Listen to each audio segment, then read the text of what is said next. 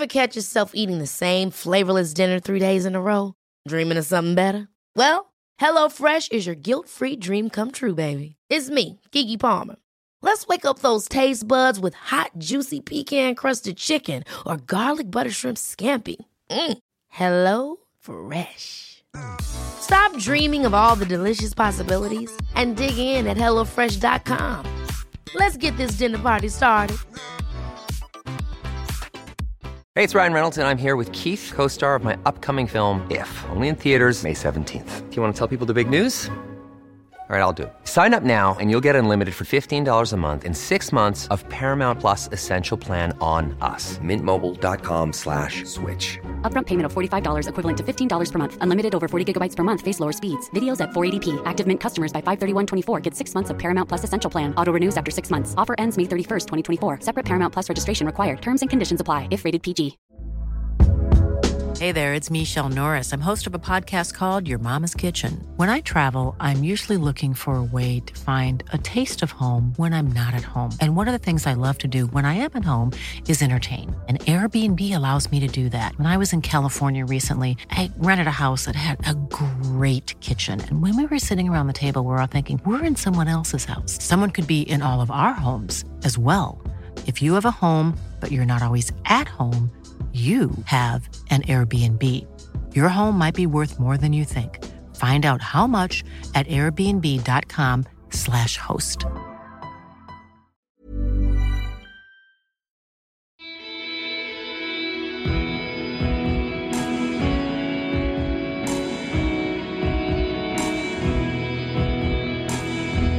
Hei og velkommen til Kaptare podkast. Velkommen tilbake etter et lite opphold. To uker. Det er eh, det lengste oppholdet siden jeg begynte i januar. Jeg hadde mulighet til å sette meg ned og snakke med Sondre Lerche, som eh, er eh, en løper, musiker. Han var også på besøk i episode nummer tre. Nå har han bodd i LA en stund, trent og løpt maraton, LA Maraton. Vi snakker litt om det. Vi snakker litt om uh, hva han gjør i LA, hvordan livet hans er. Vi snakker litt om uh, etter hvert uh, musikk. dette gjør jeg ganske tydelig og klart, så forhåpentligvis er du interessert i musikk. Jeg regner med at de fleste er vel interessert i musikk, men det er jo forskjellige grader selvfølgelig av interesse for musikk. men lytt og se om du får noe ut av det. Um, jeg er i hvert fall mer enn gjennomsnittlig opptatt av musikk. Uh, vi fikk i hvert fall til en veldig god samtale. Såpass inni det kom vi at vi uh, glemte helt av tiden. Sondre hadde en avtale om å ta gårde, og brått så oppdaga vi hva klokka var, og da måtte vi bare avbryte um, hele episoden. Men det skjer først etter en to timer cirka, så Eh, det er en god, lang episode. Um, eh, etter episoden så har jeg et par ting å informere om. Um, så formeligvis henger du med til det. En ting til jeg vil si før vi begynner episoden med Sondre, er takk til dere som har uh, støttet meg på Patrion. Veldig gøy. Um, vi er så vidt i gang der. Jeg sier det igjen, hvis du har lyst til å gi et lite bidrag til at podkasten holder det gående, så er det bare å følge linken i notatene, eller bare gå inn på patrion.com, søke uh, Kaptare podkast. Uh, for alle som skriver seg opp nå, eller tegner seg opp nå, så er det ikke noe fakturering før i august. Jeg satt uh, pause på det hele siden vi er uh, i en slags pause, hele podkasten. Så um, du har mulighet til å få tilgang til ting allerede hvis du signer deg opp. Så takk til alle som har gjort det, og alle som kommer til å gjøre det. Det er veldig morsomt. Um, nå kommer Sondre Lerche. Han har også lagd uh, intromusikken og utromusikken og uh, alt som du hører på denne podkasten av lyder.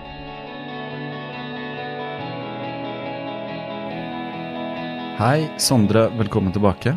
Takk, Marius. Når du var her sist, var det, var det rett før uh, jul? Ja, ja, jeg tror det. Uh, det jeg husker best, er Uh, at du spurte er jeg den første. ja, og så var ikke den første. du er den tredje. ja, den tredje. Tredjeplass. Og nå er jo, var den 18. 20. kanskje. Den 20. Jeg tror det. Altså, Men det er litt gøy å komme tilbake, da. For jeg har jo sagt, eh, eller jeg sa det er to uker siden siste episode kom ut, så forrige uke var første gang siden da begynnelsen av januar ikke kom en Ja. episode. Men jeg har sagt at jeg tar, en liten, eh, tar litt sommerferie, men jeg sa at det kunne komme en episode. ja, Så når du er her, så bare tok jeg politigrep på deg, så sa jeg nå kommer du på mandag. Ja, ja, ja. Ja, Så du hadde ikke, du hadde ikke noe valg. Så her sitter du. Eh, jeg tenkte vi skulle bare um, slå en liten prat om, litt om løping. Mm. Fortelle litt, litt om musikk, og så se hvor det bærer. Jeg vet at du har Du skal være tilbake et sted, Jo, jo, men jeg... så vi har ikke noe sånn Det blir ikke en sånn super, men vi, dette er litt mer sånn Ja, catch up. Ja, det er ikke Nitimen, men det er liksom Hæ? Jeg sa ja, for jeg, jeg, jeg trodde jeg skulle på ny tid. ja. Nei, men jeg føler at liksom nå er vi litt sånn Nå er det sommer og sol, og Ja, vi kan la mm. ting flyte litt mer, da. Det er i hvert fall min idé. Så eh, Ja, og når vi satt der da sist gang, så var det jo mørkt og vått og kaldt og vanskelig å ja. løpe. Det kostet mer. Nå er jo været lyst, og så solen lett. Jeg så at solen går ned Nei, solen står opp fem på fire om Ja. natten nå, Ja. liksom. Jeg våkner jo Hvis jeg våkner midt på natta, eller midt på natta Hvis jeg våkner mellom tre og fire, så merker jeg at Ja. det er så lyst. Jeg tar på meg sånn øyemaske. Ja, man må det. det er, så nå er det jo andre tider og ingen unnskyldning også for å ikke løpe, håper jeg. Nei, absurd nok løper jeg faktisk mindre nå enn jeg gjorde i vinter. Ja. Men greit. Det er Ja, fordi man er ja. men, eh, men du, da? Um. Du lever nå i LA. Ja. Mm. Der er hverdagen, selv om du har vært her en stund nå. Ja, nå har jeg vært noen uker i Norge, litt i Bergen og litt i Oslo. Og så har jeg litt Og det har vært en ganske sånn brå overgang, faktisk. For det, nå Altså, jeg flyttet jo til LA i høst, i oktober. Og så var jeg hjemme om til jul, og så har jeg vært da i ro i LA siden januar. Da, fra januar til da litt ja, midten av mai. Og det er jo litt for meg som er vant til å, å reise mye, turné, eller alltid et eller annet som skjer, så du må, du må være der. Så du må, jeg er vant til å flytte meg mye, da. Så kan ikke jeg huske sist gang jeg var fire måneder i strekk uten å være på en flyplass. Eh, Så det var egentlig noe jeg hadde veldig lyst til. Altså bare være i ro i LA og liksom virkelig føle at jeg lander der og finner et liv der, og ikke bare føler at jeg er på gjennomreise, liksom. For det får man lett følelsen av når man lever litt sånn rastløs tilværelse, enten jeg er her eller der, så er det liksom så, så, Jeg hadde liksom lyst til å føle på at jeg fikk litt, slo meg litt ned der, da. Så da fikk jeg en, en helt sånn veldig fin, uavbrutt eh, periode i LA, og for det meste for meg sjøl. Med skriving på både det ene og det andre, musikk og en del andre ting. Og så, og så var det da oppkjøring mot uh, LA Marathon, som var i slutten av mars. Så jeg hadde liksom Jeg hadde sånn to og en halv måned eh, jeg, i, i LA opp mot det, da. Da løp du og skrev. Ja. Er det det som er hverdagen? Liksom? Det er egentlig det som er hverdagen, Ja. ja. Det er, det er jo litt sånn Det er jo veldig privilegert å ha på en måte kontroll på hverdagen. Altså når jeg er der, da, så er jeg eh, Jeg bor jeg for det meste alene, da, og våkner og lager havregrøt og sånn. Og tar litt kontorarbeid ofte med frokosten eller etter frokosten. Og så har jeg da som regel en løpeøkt etter det. Eller eventuelt hvis jeg gjør noen styrkeøvelser, som jeg heldigvis er blitt litt bedre på å gjøre, men som er veldig kjedelige. Det gjør mye gøyere å løpe liksom, og føle at du er i bevegelse. Men har, da, nå har jeg kunnet dedikere meg liksom til det, og så når jeg da kommer hjem fra løpingen, så spiser jeg lunsj, og så, og så driver jeg vanligvis med på en måte kreative ting etter det. da. Og da kan jo det gå langt inn i langt inn i natten og inn i mørket, liksom, eh, med kanskje bare et par sånne pauser der man Jeg vet ikke. Det, det er litt Når du sitter alene og jobber mye, så så, så trenger man noen sånne markører som man må liksom lage sjøl for å avbryte. Altså for å, og, og, og en av de er jo bare at jeg har flere prosjekter som jeg jongle- sjonglerer samtidig. da. Men noen ganger så er det jo bare sånn ja, du må bare ut og få deg litt luft, eller du må se en eller annen episode av noe på TV, altså bare sånn at du kan komme tilbake til arbeidet, eller, eller eventuelt la det ligge for dagen og hoppe inn i noe annet. da. Så det har vært en veldig sånn fruktbar og inspirert eh, vinter og vår der med å komme inn i en eller annen sånn flow, da, der jeg, der jeg jobber med mange ting samtidig, på en måte. Og, og så har du løpingen som går som en sånn motor, da, som gir veldig energi. og og så har jeg bare så klart også Jeg har fått litt venner og møtt litt Jeg hadde noen venner fra før der, og så via via så møter man plutselig nye folk. og Så det er, sånn. du, du har fått litt sånn eh, Er litt inne i et miljø? mm, Altså, Vi har ikke snakket så mye sammen, men jeg har jo sett at du Det virker som du har hatt noen sånne opptredener og spilt på noe. Ja, det er et sted som heter Largo, som Ja. er en klubb som er eh, Som jeg husker altså fra lenge før jeg kom, var i LA noen gang når jeg var yngre, så hørte jeg alltid om lager, for det var der Fiona Apple og Elliot Smith eh, opptrådde på slutten av 90-tallet, og det var liksom hjemmebanen deres. Som også låtskrivere jeg virkelig så og ser opp til. Så, um, og så opp gjennom årene, når jeg har spilt i LA sjøl, så har jeg har jeg uh, vært gått der og sett han, en sånn produsent, musikerfyr som heter John Bryan, han har en fast kveld der siste fredag hver måned, som er litt sånn legendarisk show. Og så viser det seg at han som booker klubben der, som er, det er hans hjertebarn, han, det er han som basically kuraterer hele, hele hvem som spiller der, og setter sammen show og ditt og datt. Og de har også veldig mye komikere og sånn. Uh, han eh, veldig, var veldig fan av, av meg og har, har fulgt musikken min, så, så jeg, nå når jeg flyttet til LA, så hadde jeg allerede opptrådt der et par ganger på forhånd og følt meg egentlig veldig sånn inkludert og en del av en veldig kul greie der. Så, så nå har jeg, nå, nå når jeg har bodd der, så, så har jeg fått min egen kveld der, der jeg kan invitere venner til å komme og spille, og jeg har komikergjester og litt sånn, så jeg har laget mitt eget lille sånn variety show der som heter Sondre Lerche and Friends. Men som jeg lurer på om jeg skulle kanskje kalle Jeg må kanskje ha et navn på det. For jeg vil liksom ikke at det skal virke som en vanlig konsert. på en måte. At det skal ikke forveksles med en vanlig liksom, sånn eller konsert. Mm, jeg skjønner. Så jeg har liksom vurdert om jeg skulle kalle det My New Favorite Night med sånn verket and Friends. da. Eh, for den skal Nå har vi hatt to, nå blir det tredje konsert, eller tredje av det konseptet som kommer i august. da. Og så har jeg i tillegg da fått en anledning til å spille veldig mye ny- nye låter og prøve ut ting som hemmelig gjest for veldig masse komikere og sånn som er der. Så jeg har, de har hele tiden sånne kvelder der. Der det er en som hoster, da. En, det har vært liksom Jeff Garland fra Curb Your Enthusiasm og Judd Apatow har kvelder der, og uh, Sarah Silverman og altså veldig, veldig masse bra, kule komikere. Og så har de ofte en musikalsk gjest som ikke er annonsert. Så det har vært med en del ganger. Og det, det har jo vært en kjempegøy Da får du spille for et publikum som ikke Ja, det var det jeg ville spørre om. De Ja, ikke sant? Da kommer du og er litt sånn ukjent for de som setter Ja, for de aller fleste. Og det, noen ganger så er det jo noen som Å, kult. Eller liksom som vet Ja. vet greiene, men mest av alt så kommer du til et publikum som ikke kjenner deg, og det, det sittende, det er et gammelt teater, så alt er sittende og veldig konsentrert. Og så har jeg da hatt muligheten til å prøve ut sanger som ingen har hørt før.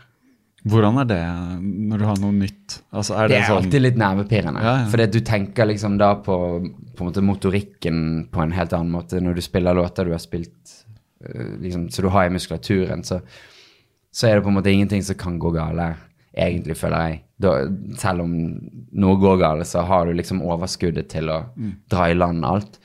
Men når du spiller noe nytt, så er du mye mer sårbar, for du har ikke det inni motorikken ennå. Det er liksom ikke i muskulaturen. Det er Du er ennå litt i hodet. Du tenker på Få riktig tekst, husk den akkorden, og, og ikke gå for fort nå, for det gjorde du i går når du prøvde. Altså, liksom, mm. Det er masse sånn Du, har, du er ennå så fersk at du, du tenker og derfor, men, altså, derfor er det jo det så bra å få muligheten til å spille det foran publikum. For jeg føler virkelig at eh, å spille Den beste øvingen er nettopp å spille for et publikum. For det, det, det er liksom 100 ganger mer effektivt enn 100 timer med øving, på en måte. Er den ene Hvis du spiller sånn som de Når jeg er gjester på laget, så, så spiller jeg gjerne 15 minutter. Og de 15 minuttene er liksom hundre ganger mer effektiv enn om jeg satt hjemme hele dagen. Det er liksom som en intens Ja. annen session, da. Ja. Ja, For at du er rett og slett for du er på utstilling, eller du vet at Ja, Ja.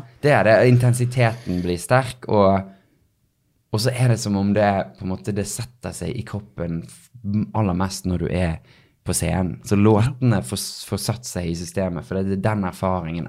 Av en eller annen grunn. Så klart, siden du har et publikum, siden det er tilspisset, siden det Den, den, den virkelig går inn i kroppen.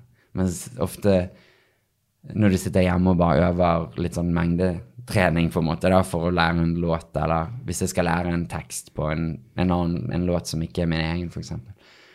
Da sitter du og pugger, og da sitter du liksom Jeg holdt på nå å pugge Jeg pugget på en Hva var det? Jeg måtte lære meg en måtte, Jo, det var det. Jeg måtte lære meg en låt som jeg skulle synge på et annet arrangement. Helt fra scratch. så jeg ikke kjenner. En ny? Ja, det var Det var Ja, det var en låt jeg liksom egentlig ikke hadde hatt i systemet før. Og da, da, fant, måtte jeg, gikk jeg litt sånn på internett for å lete etter metoder for å pugge tekst. For eksempel, og du tenker litt på hva gjør skuespillere, hva gjør talere, hva gjør sånn. for jeg ikke er vant til rent sånn teknisk å måtte pugge tekster, og særlig tekster du skriver selv, de, de kommer gradvis bare inn, på en måte. Det er, ikke, det er veldig sjelden jeg må liksom sitte ned og tenke på det. Men nå plutselig har du en deadline på Lær disse 450 ordene, på en måte, ikke sant? i riktig rekkefølge. så, det, det, så det blir mer sånn teknisk ting, og du, har ikke, du har ikke sjanse til å gjøre det på scenen før. da. Um, så derfor er det liksom det er veldig lærerikt å, å kunne ha Og ikke minst nå når jeg bor i LA og ikke har lyst til å turnere så mye. Eller i år så turnerer jeg ikke i det hele tatt. Det å likevel kunne ha, ha tilgang til scenen, da. Jeg liker jo veldig godt å spille, jeg liker godt å opptre. Men jeg, jeg, i år så bare vil jeg ikke reise rundt og fly rundt og, og ta sånn spillejobber. Så der er det jo veldig kult å ha et sted i nabolaget, så jeg kan bare Ja. hoppe inn. For det er inn i eh, i nabolaget, rett og slett. Ja, det er liksom det er ti minutter unna med en Uber. Da, og, så, og da kan jeg, og noen ganger så får jeg et spørsmål på kort varsel. 'Hei, kan du komme innom i dag og spille noen låter?' Ja, kult. Er det tilfeldig at du bor så nært, eller? Nei, det er jo ingenting som er tilfeldig, Marius. det er jo litt sånn eh, Jeg bor jo eh, Ja, jeg, vet du, jeg endte opp med å bo litt, litt mer håper jeg, sentralt enn jeg trodde. Altså, jeg bor i Hollywood. Og dette er i West Hollywood, så det er liksom bare Jeg er jo ikke kjent, jeg har ikke vært det heller, så jeg Nei, har jo ikke oversikt. Men eh, jeg må komme meg dit på det. Ja, ja, ja. det Men det jeg ville spørre om, det er bare, mens jeg husker det, for du sa det. Du snakka om at det setter seg i muskulaturen. Det har jeg ikke tenkt på. Er det sånn også? At en låt, Mm. Ja. for deg som har spilt så mye konserter, er sånn at når du skal dra Ja. Two-way monologue, da, som er sånn gammel låt fra din Mm. side, så sitter den liksom fysisk? Ja. Ja. Altså det, og det, er, det gjelder stemmen og stemmebåndene. Og det gjelder eh, så klart fingre og posisjon og på en måte alt du gjør. Eh, ja, for det er ikke noe sånn voldsom tankevirksomhet da om etter den akkorden kommer den. Altså, Nei, det bare går av seg en. Ja. Det er som en koreografi, da, kanskje, Ja. på en måte. Uh, og det som er litt rart, som ofte skjer med meg, eller som setter meg litt ut, er hvis, hvis jeg har en låt som, som har disse akkordene som jeg har spilt mye, Two-Way Monologue for eksempel, og så har jeg brukt jeg har jeg ikke spilt på en stund, men jeg har brukt tiden på å lage nye sanger, ikke sant. Og da har du Da holder jeg gjerne på med akkorder som Noen akkorder er jo de samme, du bruker mange av de samme akkordene i samme sanger, og så har du gjerne en akkord som er du, for meg er helt ny, men som jeg bruker i mye av de nye låtene, men som ikke er de gamle. Og så plutselig skal jeg i en konsertsammenheng, og så skal jeg spille den gamle. Men da har, jeg, lært, har liksom fingrene lært seg i mellomtiden en ny akkord som ofte kommer ut av den gamle. Og så plutselig går jeg bare i ren automatikk, så går jeg på den nye akkorden, men på den gamle sangen. Høres det uh, ja. Altså, det, Dette er veldig nerdete. Nå er vi jo langt ute på viddene. Men det er liksom Da er, har plutselig kroppen eller fingrene lært seg en ny sånn, Eller muskulaturen har fått en ny vei fra eh, akkord A til Ja. Istedenfor akkord B, så går jeg nå til C. ja. Og så er det feil akkorder fordi jeg spiller en gammel sang. Men det, det, liksom, det, det forteller meg liksom noe om hvordan hvordan du hele tiden lærer kroppen, sånn, eller musklene, Mm. nye, nye, nye steder å gå. Og hvis du da går litt på sånn Hvis du bare følger mus muskelminnet, så har det plutselig i mellomtiden forandret seg litt. Mm. Ikke sant? Og da Ja, for det handler jo om, uh, hvis vi skal bli litt sånn uh, vitenskapelig, nevroner i hjernen nå. Altså Ja, lager jo nye baner, ja, ikke sant? Ja. Og nye, ja, ikke sant? nye mønster. Liksom. Derfor ting er tøft i begynnelsen, for vi må lage nye liksom, veier for å det forstå disse tingene. Men de forsvinner vel ikke, så vidt jeg vet, disse tingene. Så det sitter Nei, i det i muskelminnet, muskelminne, liksom. Ja. Det er jo på en måte et minne Altså det er et program i hodet ditt som er den sangen, da. Ja, det er det. Ja. Så de kjører det programmet, og så Og det, det programmet består jo av mange eh, på en måte mindre altså vers og refreng og sånn. Ja. Og hvis du plutselig da kommer inn på et spor der, som liksom, der en sang har en akkord felles med en annen, så kan du plutselig spore av og inn i en, inn i en annen sang. Ja, så det skjer? Det skjer. Men det som også skjer Ubevisst, altså. Ja, ubevisst. Og du tar det jo i deg liksom med en gang, og så ja, sånn. men, men det er en veldig sånn Mm. Men en annen ting også, når vi snakker om muskelminne og synging og spilling, det er liksom um, Som også jeg kvepper veldig når skjer. Nå har jeg noen sanger som er i vanlig gitartuning, og så har jeg noen som jeg spiller på en gitar som er tunet ned en heltone. Um, og det gir Er det en hel oktav, da? Nei, det er, Bare, det er en hel tone, på en måte. Ja. To halvtoner, på en måte.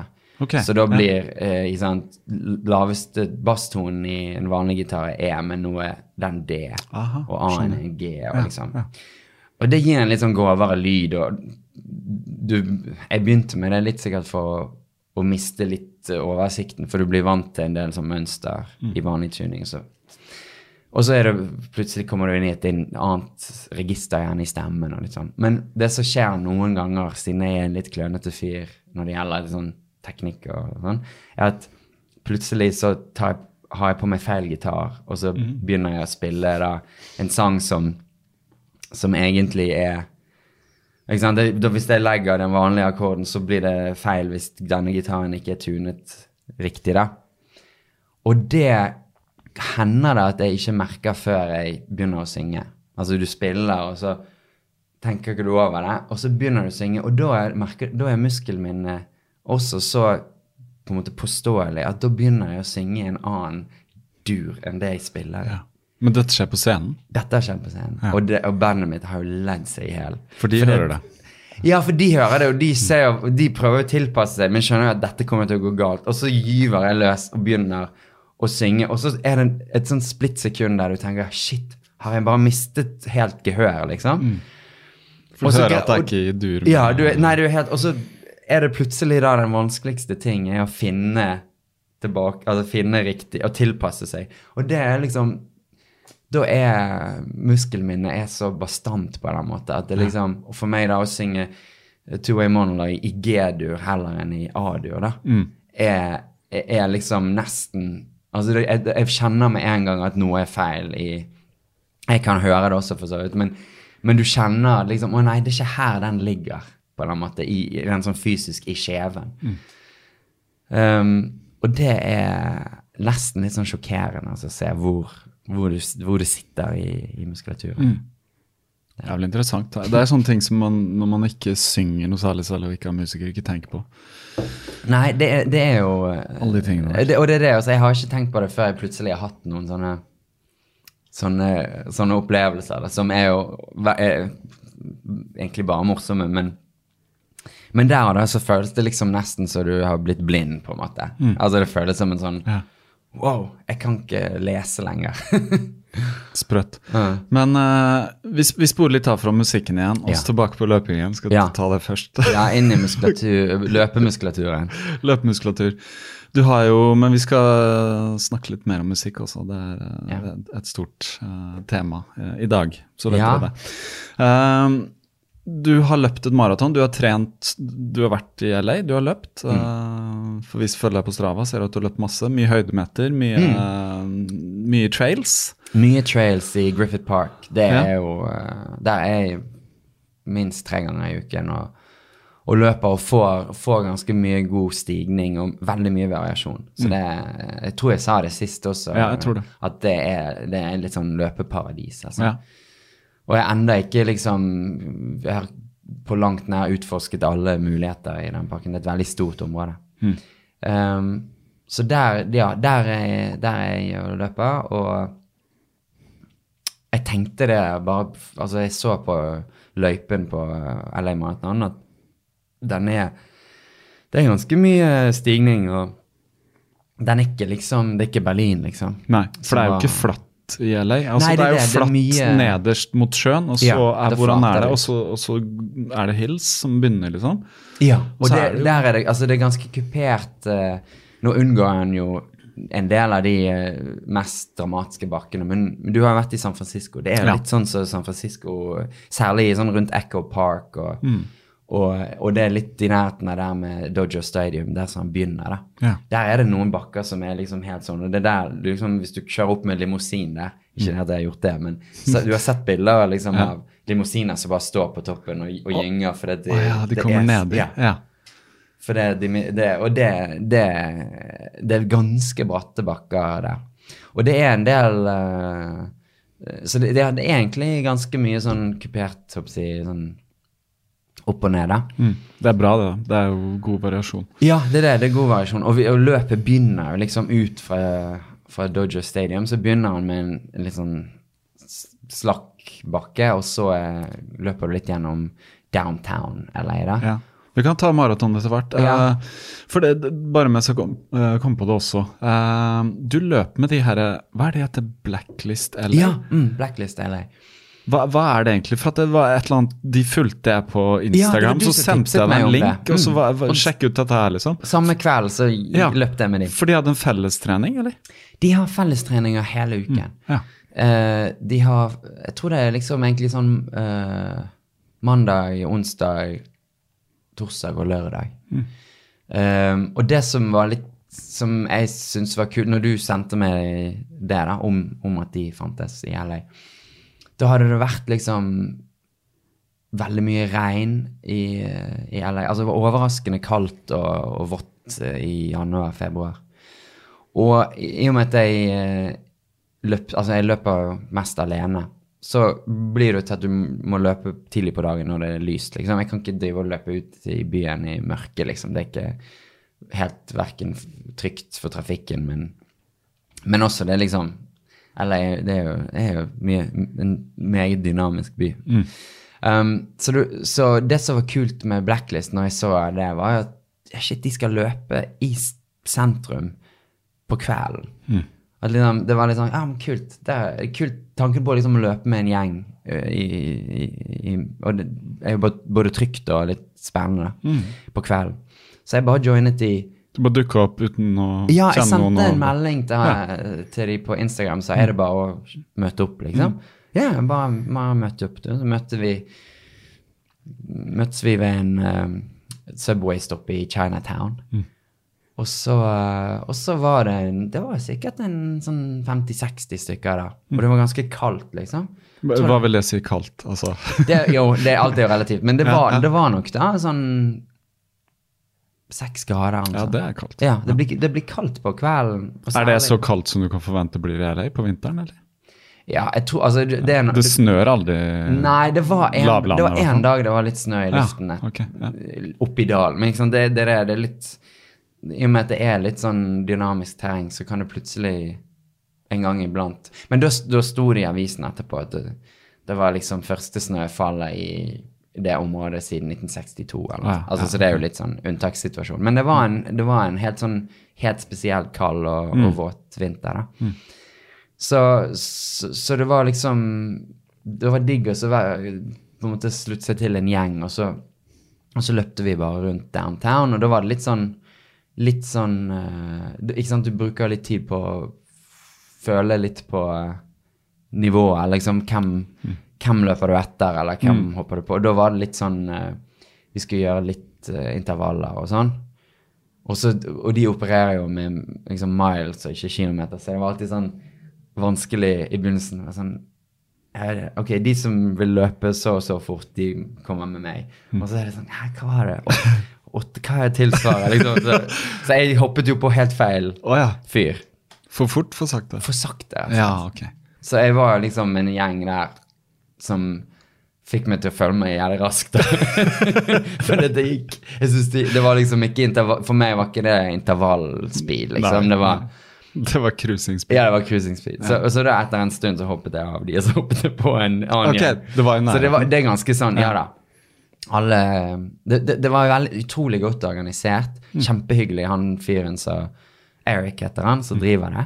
For hva er det egentlig? Altså, Jo, det er jo litt sånn som man kanskje ser at det er en, Det er jo en entusiast da, som har startet det, og med god hjelp av kjæresten, tror jeg.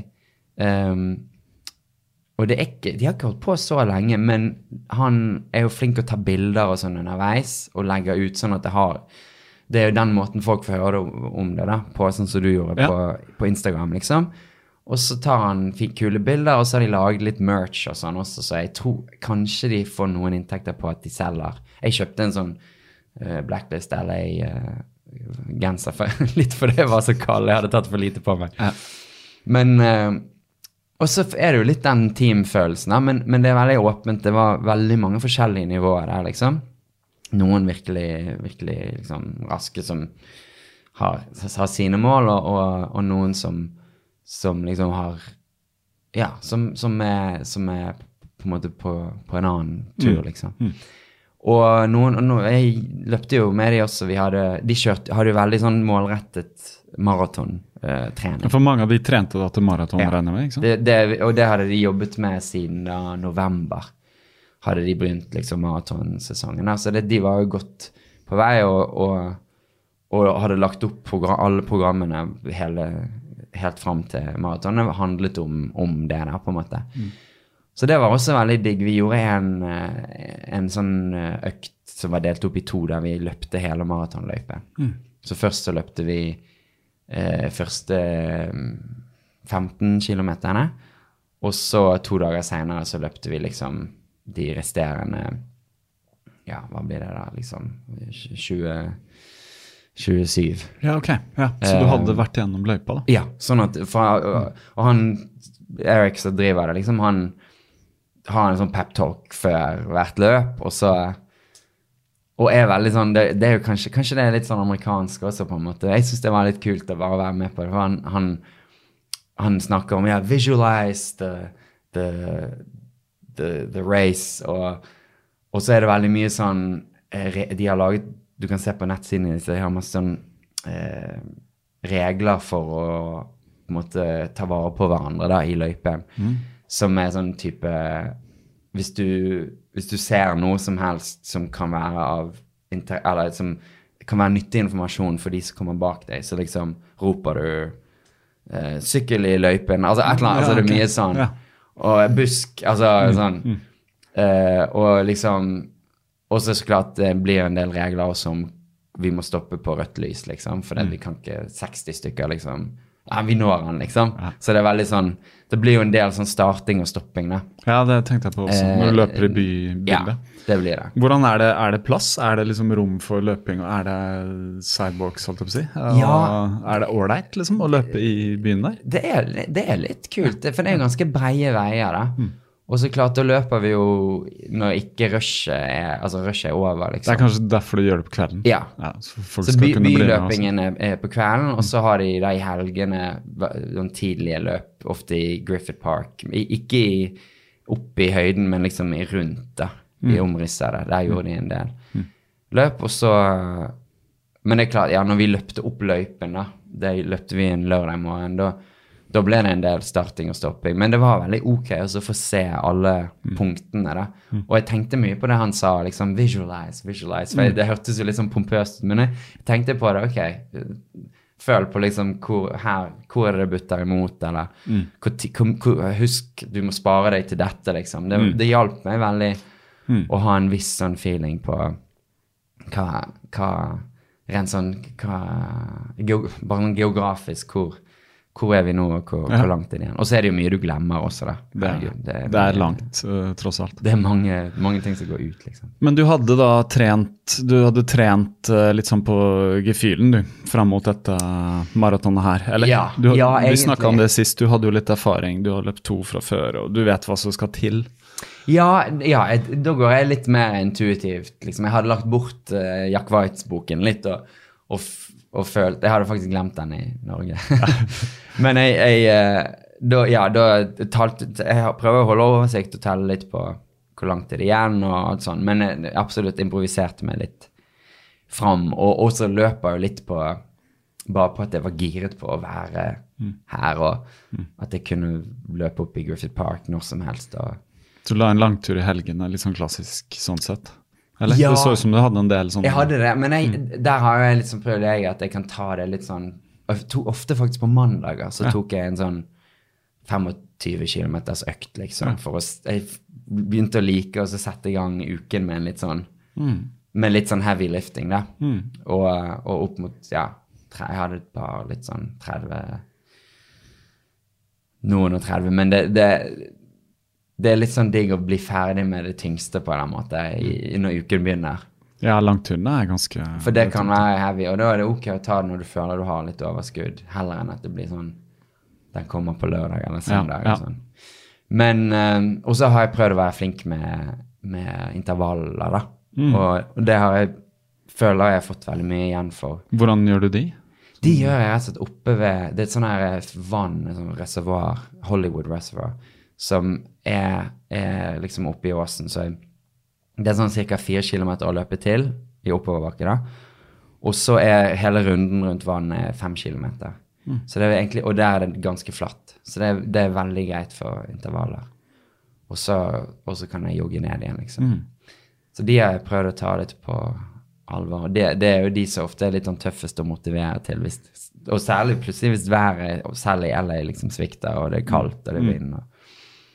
Men jeg, jeg følte jeg fikk, fikk mye igjen for det, da. Men jeg, det var jo Jeg ble kanskje litt vel ivrig, og jeg tror jeg øk, økte litt vel mye eh, mengde, da. Og jeg fikk eh, Du kjente på ting igjen? ja, jeg kjente jeg fikk en eh, To uker før, da, og så fikk jeg en liten sånn eh, rykk, på en måte, i eh, ja, Det var ikke kneet, det var låret, på en måte. Mm. Nå husker jeg ikke hvilket det var, så det har jo gått over. Ja. Men da, da Og da snakket jeg litt med han, han Jimmy Vike, han litt sånn løpeguruen min. Og da sa han ja, men nå har du løpt så mye, bare liksom kul han. Ikke, ikke push det nå sånn at du får skade. Heller bare Det er ikke så mye du kommer til å gjøre fra eller til hvis du bare ikke løper de siste to ukene. Så jeg, jeg lå ganske, ganske lavt de siste to ukene. For jeg prøv, det blir litt sånn Ok, jeg hviler tre dager, og så løper og så det, er- det er ikke bra.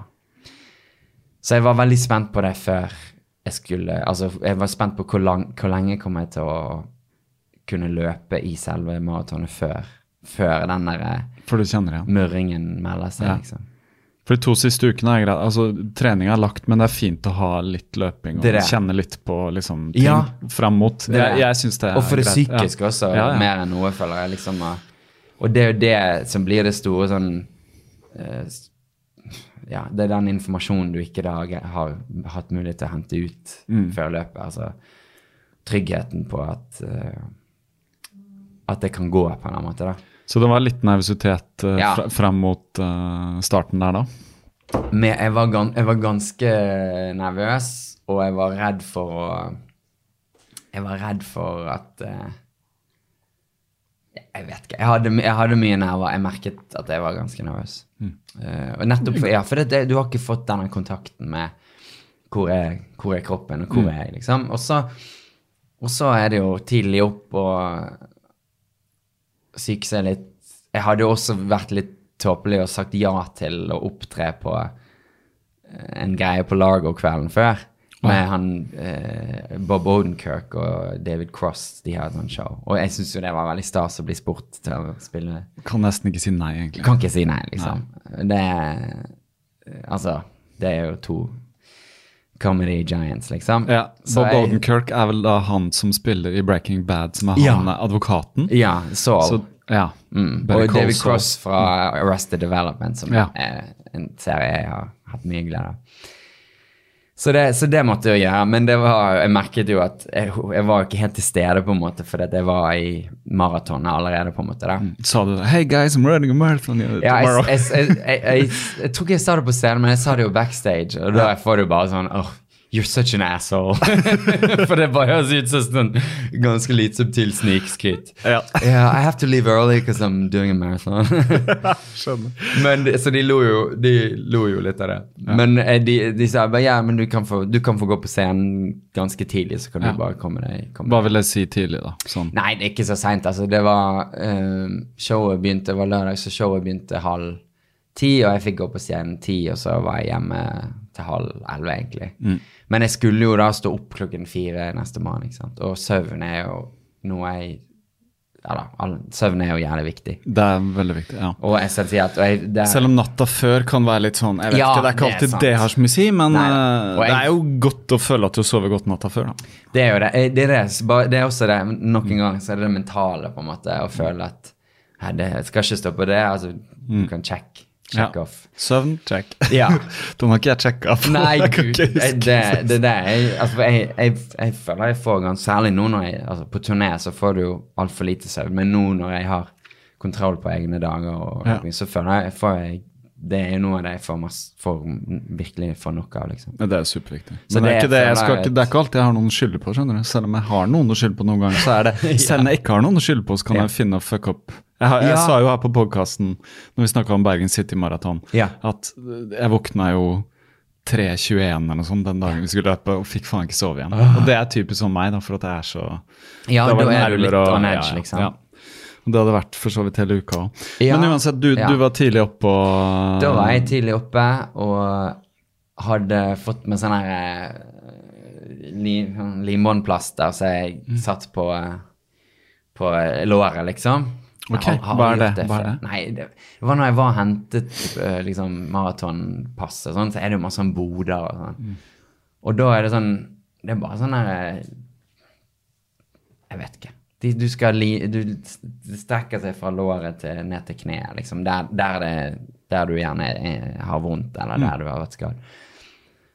Og det, så skal det være bra, bra for sirkulasjon og Jeg tenkte ja, det er verdt å prøve, så jeg gikk rundt med et sånt stort rødt kryss fra, fra ene kneet opp til låret, liksom, opp til lysken. Og gjorde meg klar. Jeg hadde tatt også imot noe sånn som de hadde i en bod der. Så sånn her pulver som, som du skal ta på føttene, sånn at ikke du får blemmer. For plutselig hadde jeg hatt litt sånn blemmetrøbbel. Selv med inni, inni sokkene? Selv med inni Ja, i sugen. ja. Mm. For, og det har jeg jo ikke hatt før, men um, Fuktigheten i LA? ja, det er, jo, men det, Ja, kanskje det er litt forandring. Ja, ja. Eh, og det hadde jo også vært en fuktig eh, vinter, så det ble jo en del litt sånn gjørme. sånn. Mm. Så da hadde jeg, brukte jeg det og, og sånn, og så spiste jeg to skiver med, med skinke på. Mm. som jeg hadde lest skulle være bra. Ikke noe, ikke noe havregrøt Nei, ikke havregrøt uh, da. Det skulle visst være bra å få inn litt sånn salt. Ja, ja, det, ja, det er jo riktig. Ja. Mineraler. Og det har jeg faktisk, det gjorde jeg i Berlin også. Mm. Eh, Som et ritual, da. Ja, så det, ja, det er litt sånn når jeg løper. Så det er. Og så tok jeg eh, Og så er jeg, jeg blir jo veldig sånn nervøs for å liksom komme for seint. Og det har jeg merket med LA Marathon, hvis noen der ute skal noen gang løpe LA Marathon, er at det er mye mer sånn avslappet Selv om det er jo 20 000 som løper det, liksom. Men i forhold til opplevelsene som jeg har hatt i New York og i Berlin, så er det et mye mer avslappet arrangement. For jeg ble plutselig nervøs for at tidene de hadde sagt at jeg skulle være der, og sånn var Ja, men holder det, da? Fordi, at, fordi at du har så lite å gå på hvis det er en forsinkelse. ikke sant? Hva var opplegget at du måtte være Altså, min, mitt startskudd var fem på syv om morgenen, Ja. og jeg måtte bare være, jeg måtte være i feltet eh, innen halv syv. Mhm. Og, um, og det er jo egentlig Ja, og, og, og så, Så måtte jeg ha starten gikk fem på sju om morgenen? Ja, det er tidlig. Det er veldig tidlig. Og jeg måtte, det var det altså, hvis du skulle levere en pose, liksom, Mm. så måtte du, måtte du bare levere den innen halv syv. Mm. Så bare, altså, in, bare 25 minutter før jeg skulle løpe, måtte jeg levere den. Men det gjorde jo at jeg hadde, når jeg plutselig da satt i Uber-taxi liksom til stedet, og vi satt i kø fordi at alle skulle jo inn, og dette er jo LA, det er biler, altså alle kjører bil, liksom. Så kollektivtrafikk var vanskelig. Og så sitter du der i kø, og så er klokken plutselig Ja, så er klokken plutselig blitt eh, kvart på Ja, den var faktisk blitt sånn seks, og det tenker jeg Shit, nå er det bare en time til jeg skal til startskuddet går. Ja. Og det er ikke du vant til. Altså, I New York så satt vi og ventet i fire timer eh, ute ved denne broen, liksom. Og i Berlin også så var det veldig sånn kom, Du skal komme, komme så og så mye før, og, og, og det er bra på den måten, for da får du hvilepuls. Mens nå jeg var mye mer sånn anspent og følte at jeg Kom for sent til starten. og jeg kjente ikke området, så jeg vet eh, hvor langt er det å gå. Og jeg begynte Han bare satt meg av her, så løper jeg resten, for det, trafikken gikk så treigt. og sånn. Det var tusener av biler og motorveier og alt sånt. Så jeg, jeg hadde litt, jeg merket jeg var ganske sånn anspent, og jeg fikk ikke tid til å liksom finne roen. Og kanskje det var en bra ting, for det, da kom jeg akkurat og leverte fra meg bagen rett før tidsfristen gikk ut, og så gikk jeg rett inn i feltet mitt. Og så føltes det nesten, nesten som vi bare sto der. Og da var jeg plutselig kommet inn i liksom 3 til 3.15-feltet, da. Så jeg sto der og merket det med Shit, her står jeg med litt sånn raske folk så, Ja. som er litt sånn proffere enn meg, på en måte.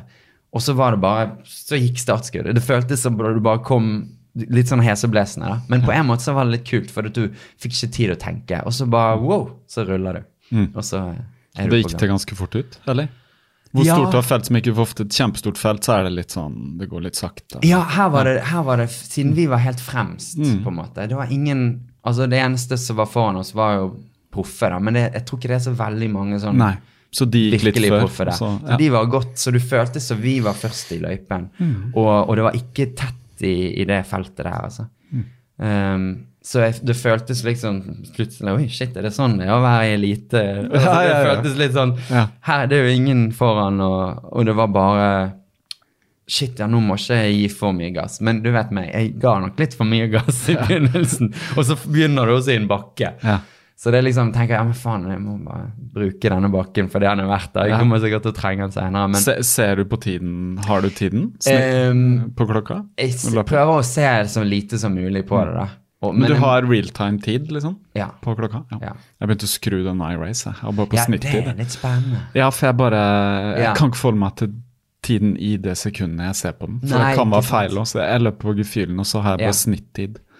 Men det er det, jeg stoler ikke helt på min egen fartsfølelse, for det den Ikke i begynnelsen av et løp. Nei, ikke sant? Nei. For det, så jeg er så redd for å Det kan slå begge veier. At plutselig har du løpt altfor fort, og så føler du at du er treig, og så bare shit, hva er det som skjer? Men, men her skjønte jeg jo etter hvert at liksom Litt sånn som jeg kanskje gjorde i Berlin også, at ja, nå går det kanskje litt for fort. Og jeg eh, holdt, holdt igjen. Men det var en nydelig, nydelig dag. Og du ser jo plutselig deler av byen som du aldri har sett før som, altså en by som holder på å våkne en søndag morgen, liksom. Det er ikke så tett i tett med folk som står og heier, som f.eks. i New York. der. Men, men det var liksom Jeg ble nok en gang liksom fylt med en sånn åh, dette er fantastisk følelse. Og så er det ca. sånn akkurat halvveis i løpet er der jeg bor, da, på en måte, i Hollywood. Um, og så hadde jeg jo eh, kjæresten min, uh, Linnea, var på besøk. Hun kom dagen før. Så jeg hadde jo også det at liksom halvveis i løypen så skulle hun stå. Eh, og jeg gjorde noe som jeg ikke har gjort før, da. Eh, for jeg har alltid tenkt at noe, altså, du konsentrerer deg bare om én ting, liksom. Jeg tok, eh, mens jeg løp i Silver Lake, da jeg liksom hipster-vill, på en måte, i, i, gjennom det, så, så ringte jeg ringte til Linnea. Og liksom opp med telefonen mens jeg løper. Altså, jeg har aldri vært så useier som før. Ringte hun for å bare si ja, nå, nå er, For da vet jeg avstanden, for her har jeg løpt såpass mye. Så jeg sa nå er, nå er jeg der om Nå er jeg der om eh, 25 minutter, eller et eller annet sånt. Ved den gaten og akkurat det krysset. Da, jeg var, visste det var bra for henne å løpe. Og, det, og da var jeg veldig kjekk og grei. Og da har jeg nok løpt eh, Da hadde, var jeg på sånn 14. eller 15. kilometer, kanskje. En kilometer? Ja.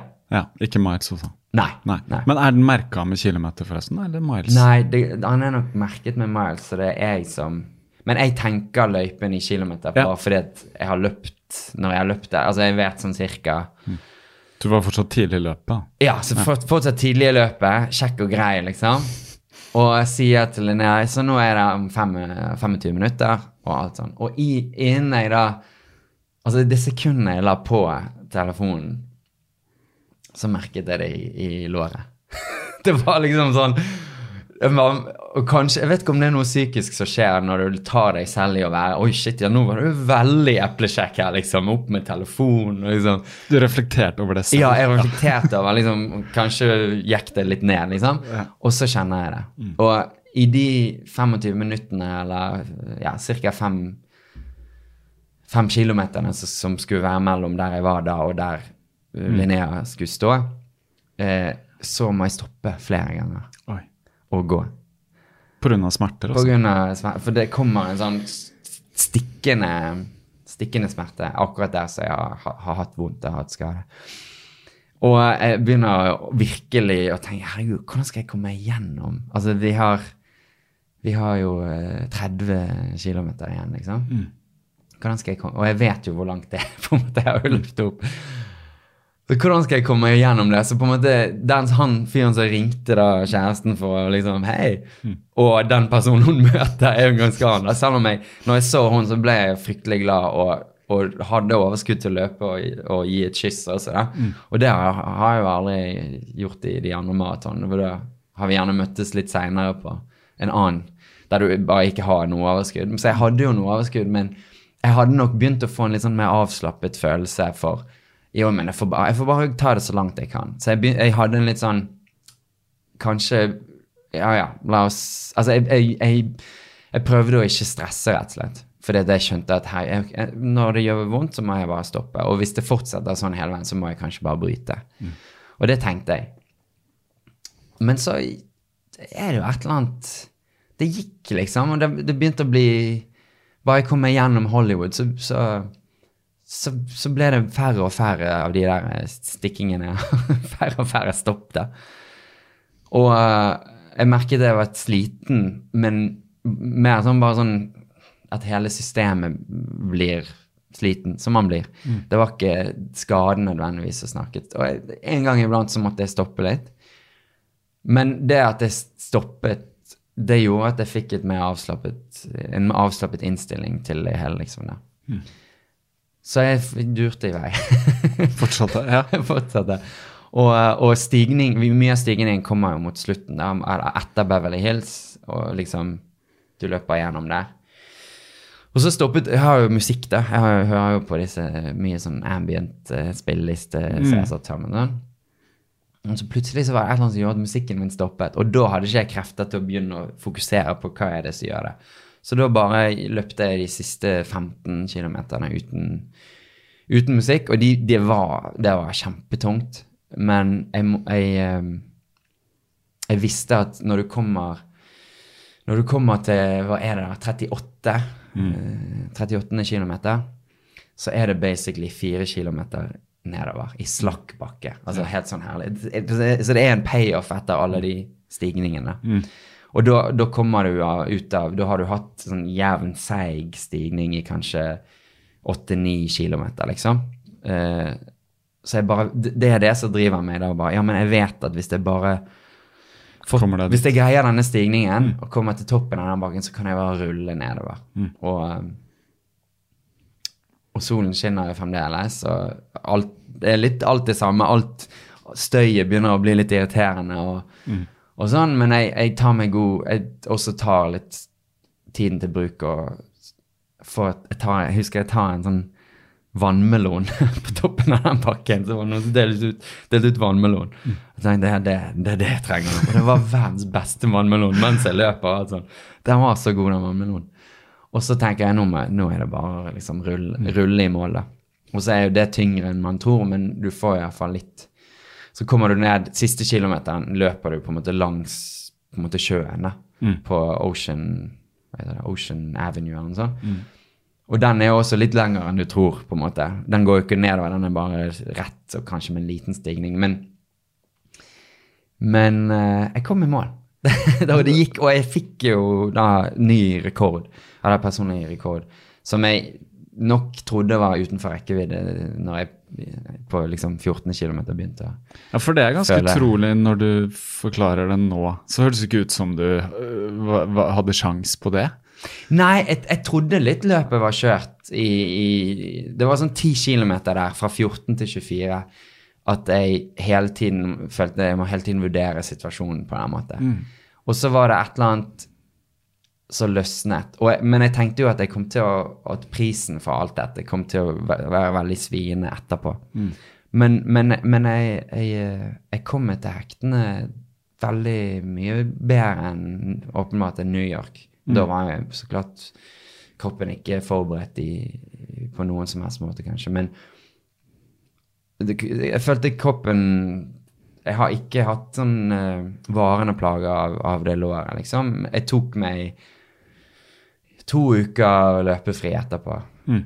Jeg hadde kanskje én veldig rolig en. Så jeg, jeg prøvde å liksom respektere det. Men det gikk så ufattelig mye bedre enn jeg, jeg trodde, og som jeg kanskje hadde grunn til å tro. Um, For tiden i Moore ble da den ble eh, 3.14, var det? Eh, 3.13? Ja, 13 var det. For jeg var, 3.13. i Berlin var jeg på 14 Ja. et eller annet, og så her var jeg 13.45, tror jeg. Ja, 3.13,45. Det er jo ganske utrolig. Men så du det på slutten, at du hadde mulighet, eller? Så du på klokka? Så du på? Ja, Ja. eh, jo, men det er det. Jeg blir veldig dårlig i matte når jeg løper. Så jeg greier Ja. ikke helt å se. Men jeg, ja, jeg, jeg, så jo jeg så på klokken da. og Mm. jeg, så, jeg ser jo at det blir bra. Og så, eh, så ser du liksom Og så te, Jeg vet ikke. Du ser jo også Ja, men shit, hva skal jeg bare gunne på, da? Men eh, jeg gunnet jo på så mye jeg kunne, liksom. Og, og, og, og da blir jo målet å slå da visst, slå, slå forrige rekorden. Og den var på var, Det var 14 3-14 Jeg husker ikke 30 eller noe sånt. Ja. Så, det, Så under et minutt, men allikevel. Ja. Ja. Når- du beskriver det løpet, så det, da høres det ganske utrolig ut at du klarte å det- Men da må du ha løpt en del fort Ja, det gikk nok fort i begynnelsen, og så må det ha gått litt sakte Jeg nok- etter den telefonsamtalen. Ja, det er det. Da, ja. For da plutselig stoppet det, liksom. Ja. Men vet du, hva, vet hva, altså uten å vite hva som skjedde, men jeg bare Ja. tenker at du kan ha kommet ut av en eller annen takt, eller en eller annen rytme som har Ja. gjort det, at du kjente det? hva, hva vet jeg. Jo. Men så er det noe psykisk veldig rart. Ja, altså. det er veldig rart, fordi at jeg At i det tenkte sekundet du legger på, så kjenner du det. Vet du hva, det var, og det var fordi at det var så utypisk meg, på en måte, å, å ta Altså, jeg pleier å være sånn, også når jeg trener Jeg, jeg, jeg, jeg hører jo på musikk og går inn i min egen greie, men jeg, jeg sjekker ikke tekstmeldinger, og Nei. jeg, jeg takker telefoner. Altså, det er en sånn avkabling. Så, og Mm. klart, når du, spesielt når du er i et løp, da, så, så, så har jo det aldri falt meg inn Nei, det, Altså, det føltes jo som en sånn eh, eh, Jeg vet ikke. Det føltes liksom som å eh, Jeg vet ikke, sånn som sportsfolk, eh, skiløpere eller sånn, når de tar en dans på veien Mm. ja, tar et flagg og Ja, det det, liksom. gir noen en kyss. Ja, sant? det føltes som jeg gjorde det, bare at jeg gjorde det liksom Bare etter en tredjedel av løpet var ferdig. Så når, etterpå når jeg gjorde så tenkte jeg Hva er det du driver med nå? Men, Men hadde du avtalt at du skulle ringe og si når du kom? Eller var det sånn litt spontant? Nei, jeg hadde sagt Det var litt spontant. Jeg hadde sagt sånn cirka Jeg tror jeg er her da. Men så så jeg jo kanskje at jeg lå litt foran skjema. Ja. Og jeg hadde veldig lyst til å at ikke å, å se henne, på en måte. Så jeg tenkte ja, ja, nå jeg er litt foran tiden, liksom. Og jeg var veldig glad. Jeg følte jeg fikk mye energi av, Ja. av det. da. Ja. For det sto liksom ikke så mange der. Det var enda tidlig morgen, liksom. Og så, og så så jeg følte jeg var kanskje det var kanskje det også litt eh, Jeg har flyttet til LA og blitt litt sånn mer showbiz-fyr. Det var blitt litt eplekjekk. Men er, jeg, faktisk, jeg husker å ha sett de bildene. Hun tok noen bilder når du kom. Så de har jeg sett et eller annet sted. Mm, Ja, jeg la det ut på Instagram. Ja, du gjorde det. Hun, to, hun ja. tok hele når jeg kom og løp. Ja, ja. Og jeg ser jo så kjekk og glad ut der. Ja, Man kan Eh, ikke se om man har det vondt. Nei, det er det. Og, jeg, og det- er liksom se en Ja, oh, du nådde det. Kult. Og så løper vi videre. Og det som også var litt sånn absurd, var at vi løper forbi da denne burgerkjeden, da, In and Out Burgers er jeg veldig glad i. Mm. Som, som har det jeg syns er verdens beste burger. Og den ligger rett på opp, i nabolaget. Så rett etter da, dette møtepunktet i Hollywood. Så løpte jeg der, og der, der var det Det er jo så søtt. Der var det altså to fans som hadde satt og ventet på meg ved burger. Jeg visste jo ikke det. At de satt ved min favorittburger da, og hadde laget sånn skilt så jeg akkurat så så vidt, liksom. Tidlig på morgenen. Og det også var jo veldig rørende. Ja, ja, ja. To litt sånn crazy fans. To amerikanere. Så her, ja, så satt jeg og, og heit, med Og de har laget sånn in and out-skilt. For de visste du skulle løpe på fullpoeng. Ja. Ja. Utrolig morsomt. Nei, men kult. Så det var et bra maraton å løpe, sånn sett bortsett fra din erfaring? Altså er det sånn Kjempegøy. Jeg, jeg synes at Jeg anbefaler det veldig hvis man, hvis man liker litt dynamisk, liksom. Uten at det, det er jo ikke helt crazy heller, liksom. Men hvis du liker litt sånn variasjon og dynamikk, og ikke minst det at LA er en så øh, Jeg tror for mange, og sånn har det vært for meg i mange, mange år, at LA oppleves litt sånn rotete og uoversiktlig. Hva er egentlig bykjernen, og hvor er Altså, fordi at det egentlig bare er mange nabolag. Og det er jo noen by, byer som er sånn. Eh, at det er liksom Det ikke, det ikke er ett samlingspunkt, og det er ikke ett monument. på en måte Det, det er egentlig eh, masse opplevelser. Og i og med at den byen har, er så knyttet til bil og trafikk og motorveier og, og sånne ting som på en måte gjør at du mister kontakt med Hvordan henger dette sammen, egentlig? Så det å løpe opp uh, Altså fra, fra downtown LA til Santa Monica Beach, liksom, det, er, det syns jeg er en kjempekul opplevelse, for at du det, det skjer aldri ellers, liksom. Alt, alle kjører. Um, så du får et annet perspektiv på hvordan henger det sammen. Så hvis du lurer på liksom, hva er LA, så, så løpe det da, og se det. Er, er det et, et strekk? Altså, det er ikke noe loop, det her, sant? Nei. Åpenbart. det er, Men er det så langt også, fra downtown LA og helt til Det, det er jo det. Avstanden Ja. i LA er jo Det er kjempestor. Ja, løper du fire mil fra Oslo, så kommer du jo Ja, du kommer til Drammen, altså, liksom. ja, ja, minst. altså, ja. Så det er jo, men du løper på en måte i en Ja, du, altså, du, du løper ikke rett fram, du løper i en liten liten bue. Men Ja, altså, det er egentlig fra innerst, Du løper egentlig fra fire mil inn i landet og ut til sjøen, liksom. Ja. Så du får det Det er en Og det er, my, det er mye Altså, du får se veldig, veldig mange fasetter av byen, da, på en måte. Og du løper i, i fattigere områder, du ser masse hjemløse som bor rett ved motorveier og under, under broer og alt sånn. Som er kraftig kost, liksom. Og, og så er du plutselig på Rodeo Drive i Beverly Hills, og der, der har, har jeg heller aldri vært, på en måte. Altså, der det er bare liksom Versace og alle de butikkene, liksom. Ja. Som er jeg, det, en, det eneste minnet jeg har, det er liksom Pretty Woman. Når hun går på shopping i Pretty Woman. Det er noen sånne filmer fra LA. Ikke sant? sett, Det er jo veldig mange sånne Så står de bilene parkert, Ja. og damene med Ja. Så det er også eh, det, Ja, altså det, det er en veldig rik opplevelse, og og så er det Ja, og så har det en litt sånn Kanskje det er det. Det har en litt sånn Arrangementet, selv om det er stort, har det en litt sånn Litt mindre sånn rigid vib ved seg. Som, som Men du har løpt Det du sammenligner med da, er jo Ja. New, York og Marat, nei, New York og Berlin, som Ja. er to av verdens største. det, Ja, som, Altså, det er sant. Så det, må- det er klart, der må det være orden når Ja. 60 000 eller noe sånt i New York som Ja, der skal starte. virkelig, så der må vi være på plass. Ja, ja, virkelig. Og Så der- små løp er jo alltid litt sånn du lurer på Hei, liksom, hvorfor er det så leks. Ja, det er det. Det er litt sånn deilig noen ganger å løpe småløp òg. Ja, ja, det er det. det. Det var litt sånn Eller småløp. Hvis det er Jo, 20 men- 000, så er det mye større enn noe Ja da, og det er jo alltid er jo litt større større, størrelse på i, Ja. i Hollywood, liksom. Men, men ja, det var kanskje det. Det var overraskende i møte med den relative størrelsen på det, hvor liksom det er jo, Man ser jo ofte på liksom California som et litt mer avslappet liv og avslappet sted enn andre steder. I New York, for eksempel, i, i, i, amerikansk målestokk. Det, det hang Det var det var litt sånn for, Når jeg kom inn på eh, og skulle shit, levere fra meg alt, og hvor er alt, og sånn, så var det liksom, det var ikke så veldig godt skiltet. Men det sto et sånn stor scene der, der det sto et sånn coverband og spilte liksom rockehits fra 80-tallet, liksom. Okay. Og, og solen var ikke kommet opp ennå. Altså, det var, Grytidlig morgen. det var gøytidlig, men masse liv og mye kaos. og Ja. Jeg, løp rundt der, sånn, ante ikke hvor jeg skulle. Liksom. Nå løper jo du ganske langt fram og løp liksom med folk som tydelig har godt trent og sånn, men Ja. generelt, hvordan mennesker var det som løp det her? Fikk du noe inntrykk av det? Altså Var det litt sånn Ja, altså Det, virker, det virker jo som, For meg virker det som LA og sånn her sånn fitnessby. Altså folk Ja, er fit egentlig. og leve sunt og sånn. Var det mye sånn å se, eller var det litt sånn at alle skal stille, eller hvordan er det? Ja, det, Fikk noe inntrykk? det er vanskelig.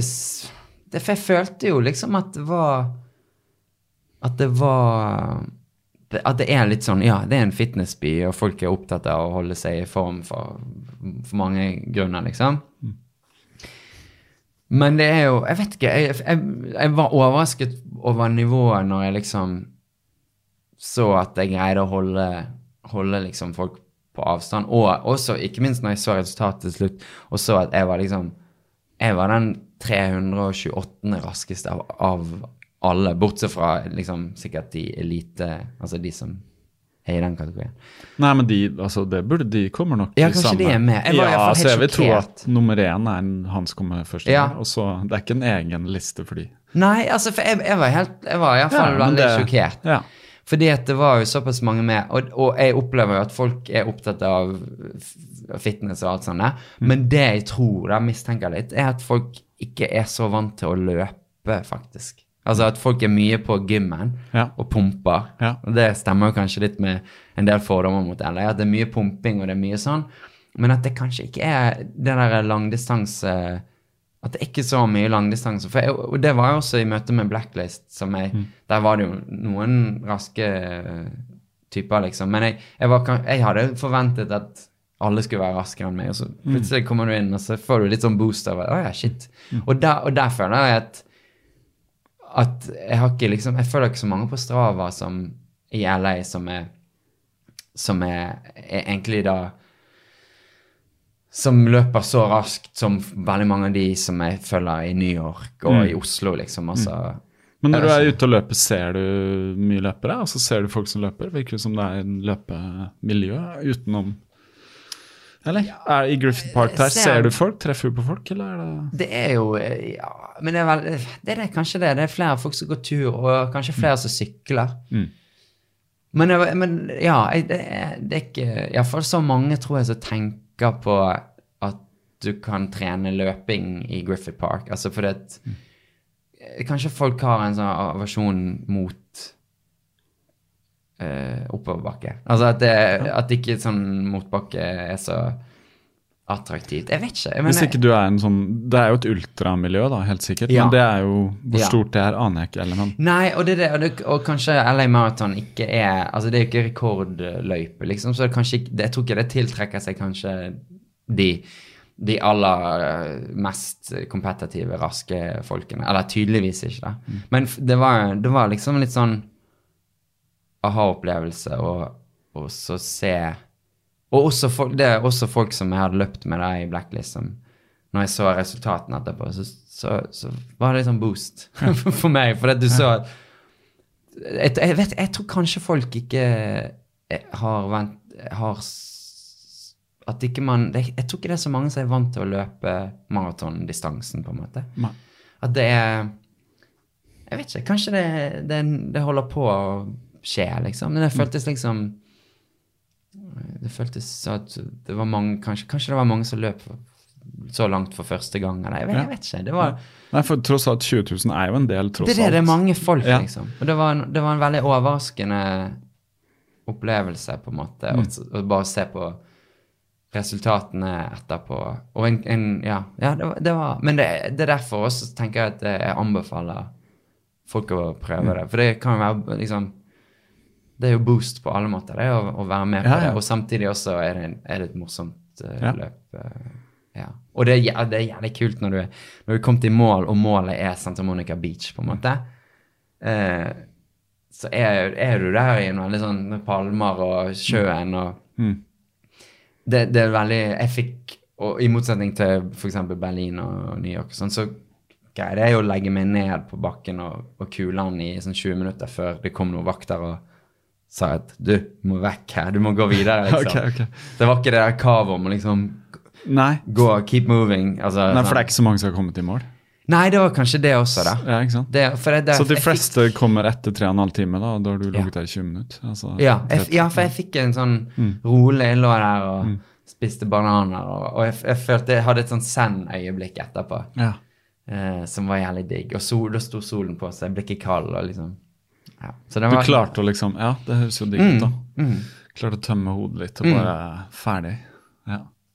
Uten å kjenne på sånn fryktelig smerter som du har gjort før. Ja, jeg kjente litt smerten når jeg begynte å måtte bevege meg igjen og reise meg opp og sånn. Ja, Og det hadde jeg jo noen jo. dager, men det var ikke, det var ikke, det var ikke så ille, altså. Så det var sånn sett, så var det liksom Det var oppmuntrende.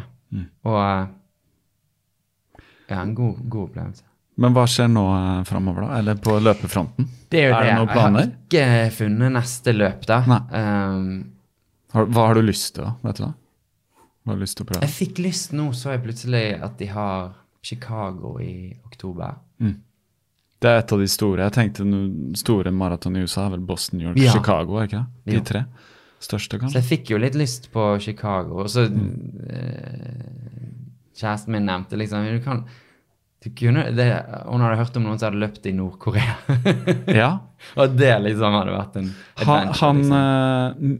eh, eh, Mikkel Bjerregård, eller jeg skal Ja. ikke si helt hva han Men han med Mikkeller-ølen, Ja. han som starta den. ja.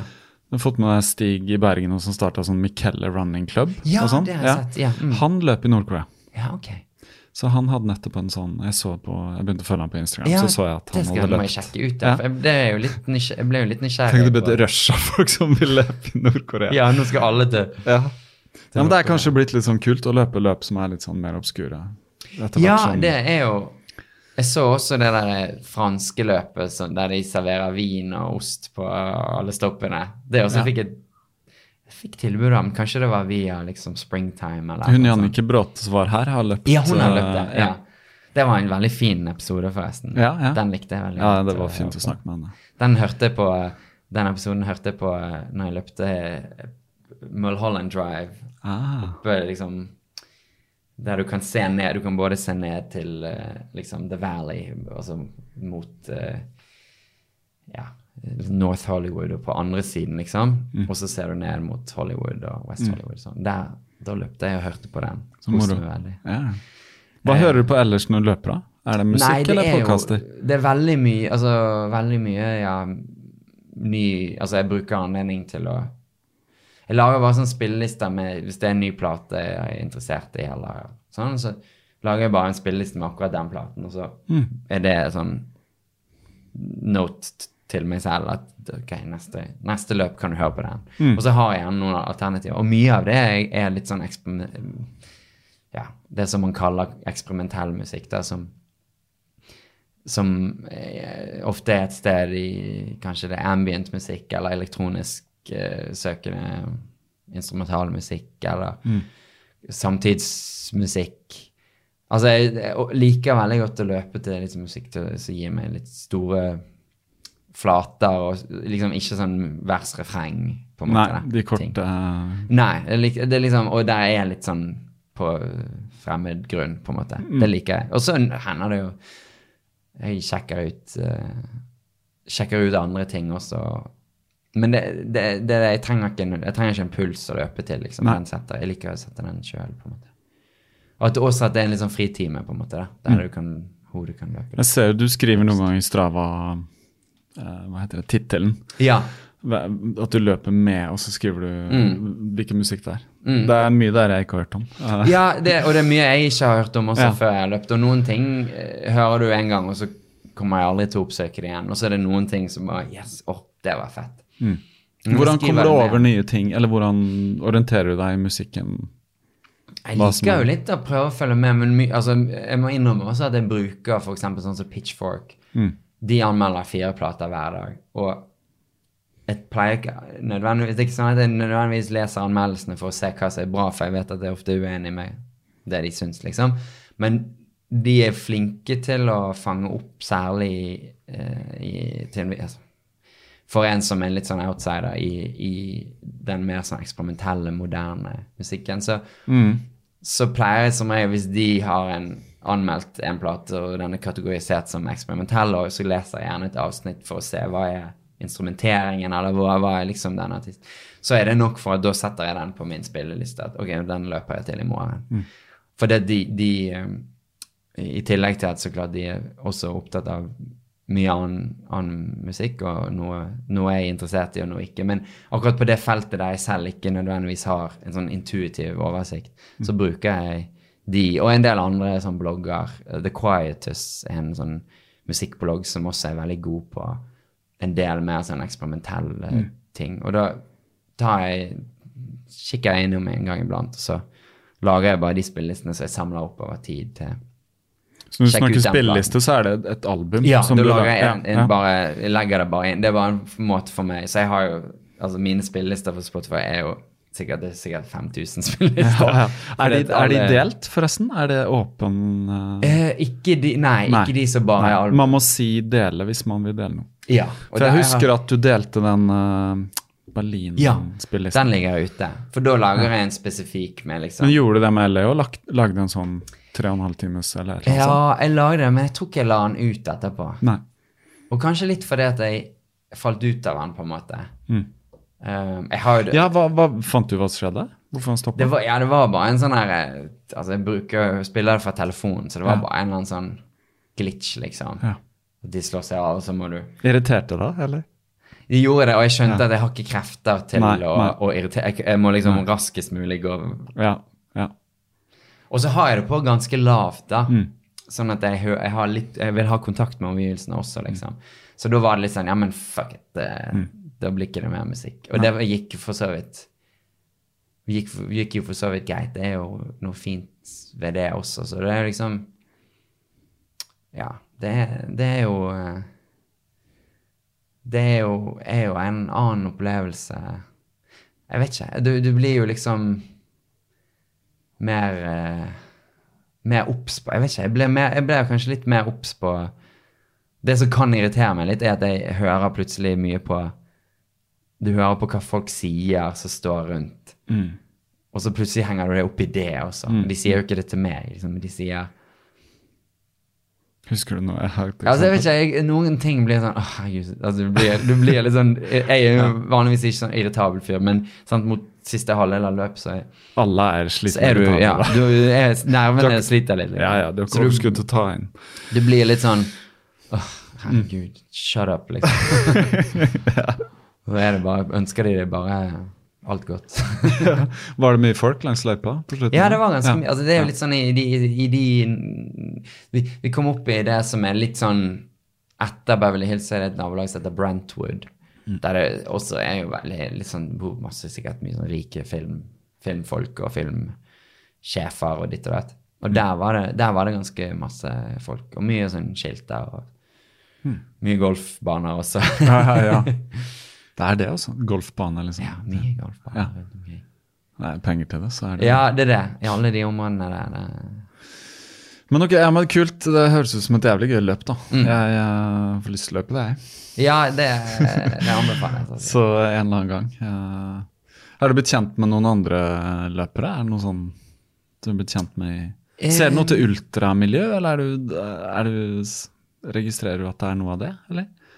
Kanskje litt far-fetched? Ikke så jeg møter Nei. Altså, jeg vet ikke om noen av de jeg har møtt på liksom blacklist eh, Det er sikkert noen av de som har vært Ja. borti ultra. Men ingen av de jeg snakket med. Jeg, jeg liksom løpte og snakket med eh, et par folk, liksom. Og han ene, han hadde akkurat joinet Blacklist. Han jobbet for Ho- Hoka-sko. Å ja, Hoka. Så han- Hoka, Hoka, Hoka? Nei. Hoka One One heter det. Ja. Han, så han var litt sånn Og så løpte jeg i Hoka-sko da, så han kom bort til meg. «Ja, Forresten, hvilken størrelse har du i Hoka-sko? Jeg tror det er 42. Ja, ok. Han, Hans Christian Smedsrød som var på podkasten, Ja. han satte igjen to par oh, ja. som uh, var litt for små til meg. ja. Så nå har Sindre Holme fått det ene paret. Ja. Så har jeg et par hjemme òg, men jeg tror de er Kanskje det er 44, blir litt stort til Ja, deg, da. det ja, ja, ok. Ja, Det var bare digresjonen jeg kom på. ja, ja. Jeg, det også glemte jeg å si. Altså, nå LA Marathon, så, var, prøv, så løpte jeg med disse her eh, Nike 4 -skoene. Ah, du har de, ja. Ja. Ja, jeg, jeg kjøpte de for anledning. Og så måtte jeg ha nye vanlige sko, så da For jeg hadde løpt ut de gamle hookerskoene. Mm. Og da prøvde jeg også disse Da kjøpte jeg Nike 4 Og så jeg du ikke skjønt før jeg var i butikken, at det er ikke treningssko. Altså, de, de kan du bare løpe så og så, da. Mm. 100 km eller hva det er med. Så de var sånn, ja, de bruker du bare på Jeg tror han skjønte at plutselig, han i butikken, men skjønte at du har ikke forstått dette, du. For han sa du, disse skal du bare bruke på, Det er racingsko. på race day, liksom. ja. Og eventuelt prøve de ut dagen før, liksom. Ja. Og det gjorde jeg. Jeg testet de ut fem kilometer dagen Mm. før. liksom. Men så kjøpte jeg også disse som er litt sam, i samme familien. Da. Nike eh, Hva er det heter da? Det heter et eller annet. Altså som er liksom eh, treningsskoen da i samme Ja. Som, som er veldig Sånn at kunne, skoen kunne bli vant til liksom litt mm. Bygd litt over samme lest, men den er vel en helt spesiell såle, den, eh, Ja. den 4% Ja. Jeg ser det er mange som løper i de. Eh, ja, du blir jo litt sånn Ja, ja. påvirket av det. Ja. Jeg har også lyst til å løpe 4 fortere. Ja, Selvfølgelig. Jeg får aldri vite om det, om det skjedde, men det gikk jo Kanskje de 4 er liksom den nye Ja. personlige rekorden. I don't know. ja, det kan være. Det er jo aldri godt. 4% på, ganske, på, på en lang løp er en del, det. De, føl, de føles jo ufattelig lette. Ja. Du føler Det deg en ganske fordel. og lett, altså. Bare i butikken så følte jeg liksom oh, Så du blir jo litt sånn Jeg er blitt mer og mer bevisst på sko etter hvert som Ja. Jo mer I begynnelsen var det sånn whatever, Ja, men nå er jeg blitt mye mer sånn spesifikk på ting. så litt jeg kan ikke løpe i så minimalistiske sko heller som jeg kunne før. Nei. Nei, shit, du løpte jo i veldig Veldig minimalistisk, veldig men nå blir leggene for stive. Ja, Altså. shit, det skjønner jeg. Det er kanskje med mengde er Ja, det, mengde, for det tenkte jeg noen ganger på det, at, Ja. at det Ellers er jeg blitt er svakere i leggene.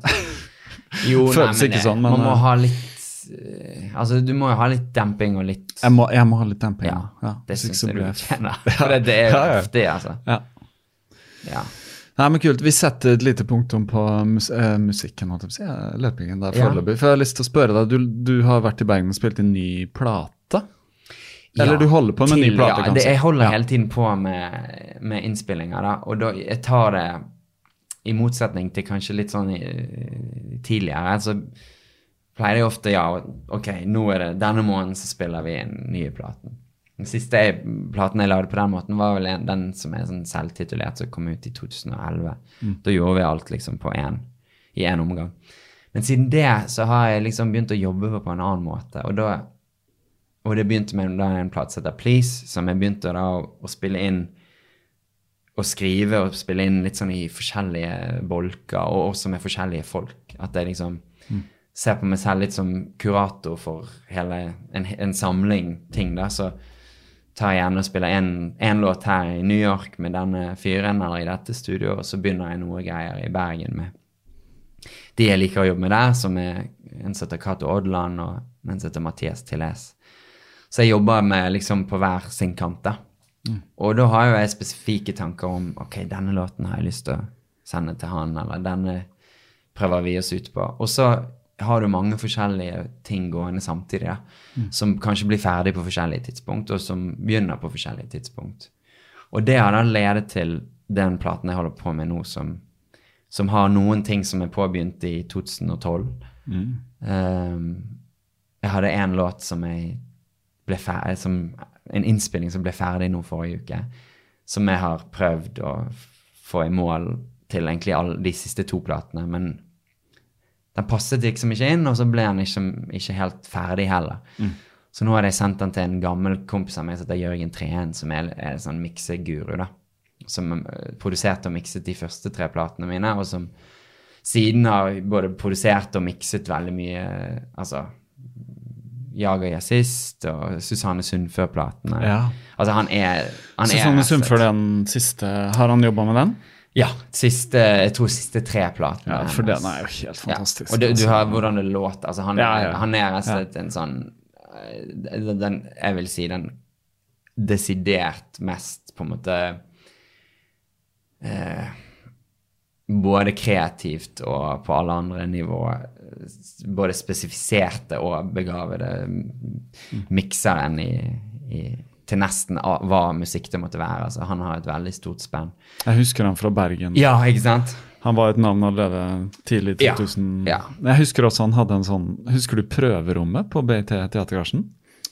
Eller var du for ung? Eller? Ja, jo, jeg vet har hørt om det, men jeg tror jeg, Nei, det, var, det var en sånn scene Det var sånn en gang i uka folk kunne, altså Det var alt. Du kunne lese Ja. dikt, du kunne spille en låt, du kunne sånn vise en video. altså Det var veldig sånn ja. for unge kunstnere. Og da husker jeg han Jørgen Treen hadde noe sånn greier.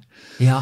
ja, for han har laget veldig Nordheim Motmix. Ja, eller noe sånt. ja, han holdt på med noe sånt. Han jobbet- veldig obskure greier, da. Men uh, Det jobbet han Det jobbet han en del med når vi holdt på med sånn two-way monologue-plan. Ja. sånn. Han, han har et veldig stort spenn og har gjort Altså Han som produserte min liksom Duper Sessions, Ja. altså jazz, den så, såkalte jazzplaten, samtidig som han har jobbet med veldig, veldig eksperimentelle sånn lyd, lydforskende ting, støymusikk eh, og alle disse artistene, inkludert meg selv, som han har virkelig Jeg vil si han har løftet, løftet oss alle, da. hva er det skal til da for å være en sånn person som er en sånn Altså, Hva er det han er rent Hva er det, hva er det heter? Er han en uh, produsent, eller hva ja, heter det? han Altså, har jo mange roller, da. Jeg har jobbet med han som, som, som produsent tidligere.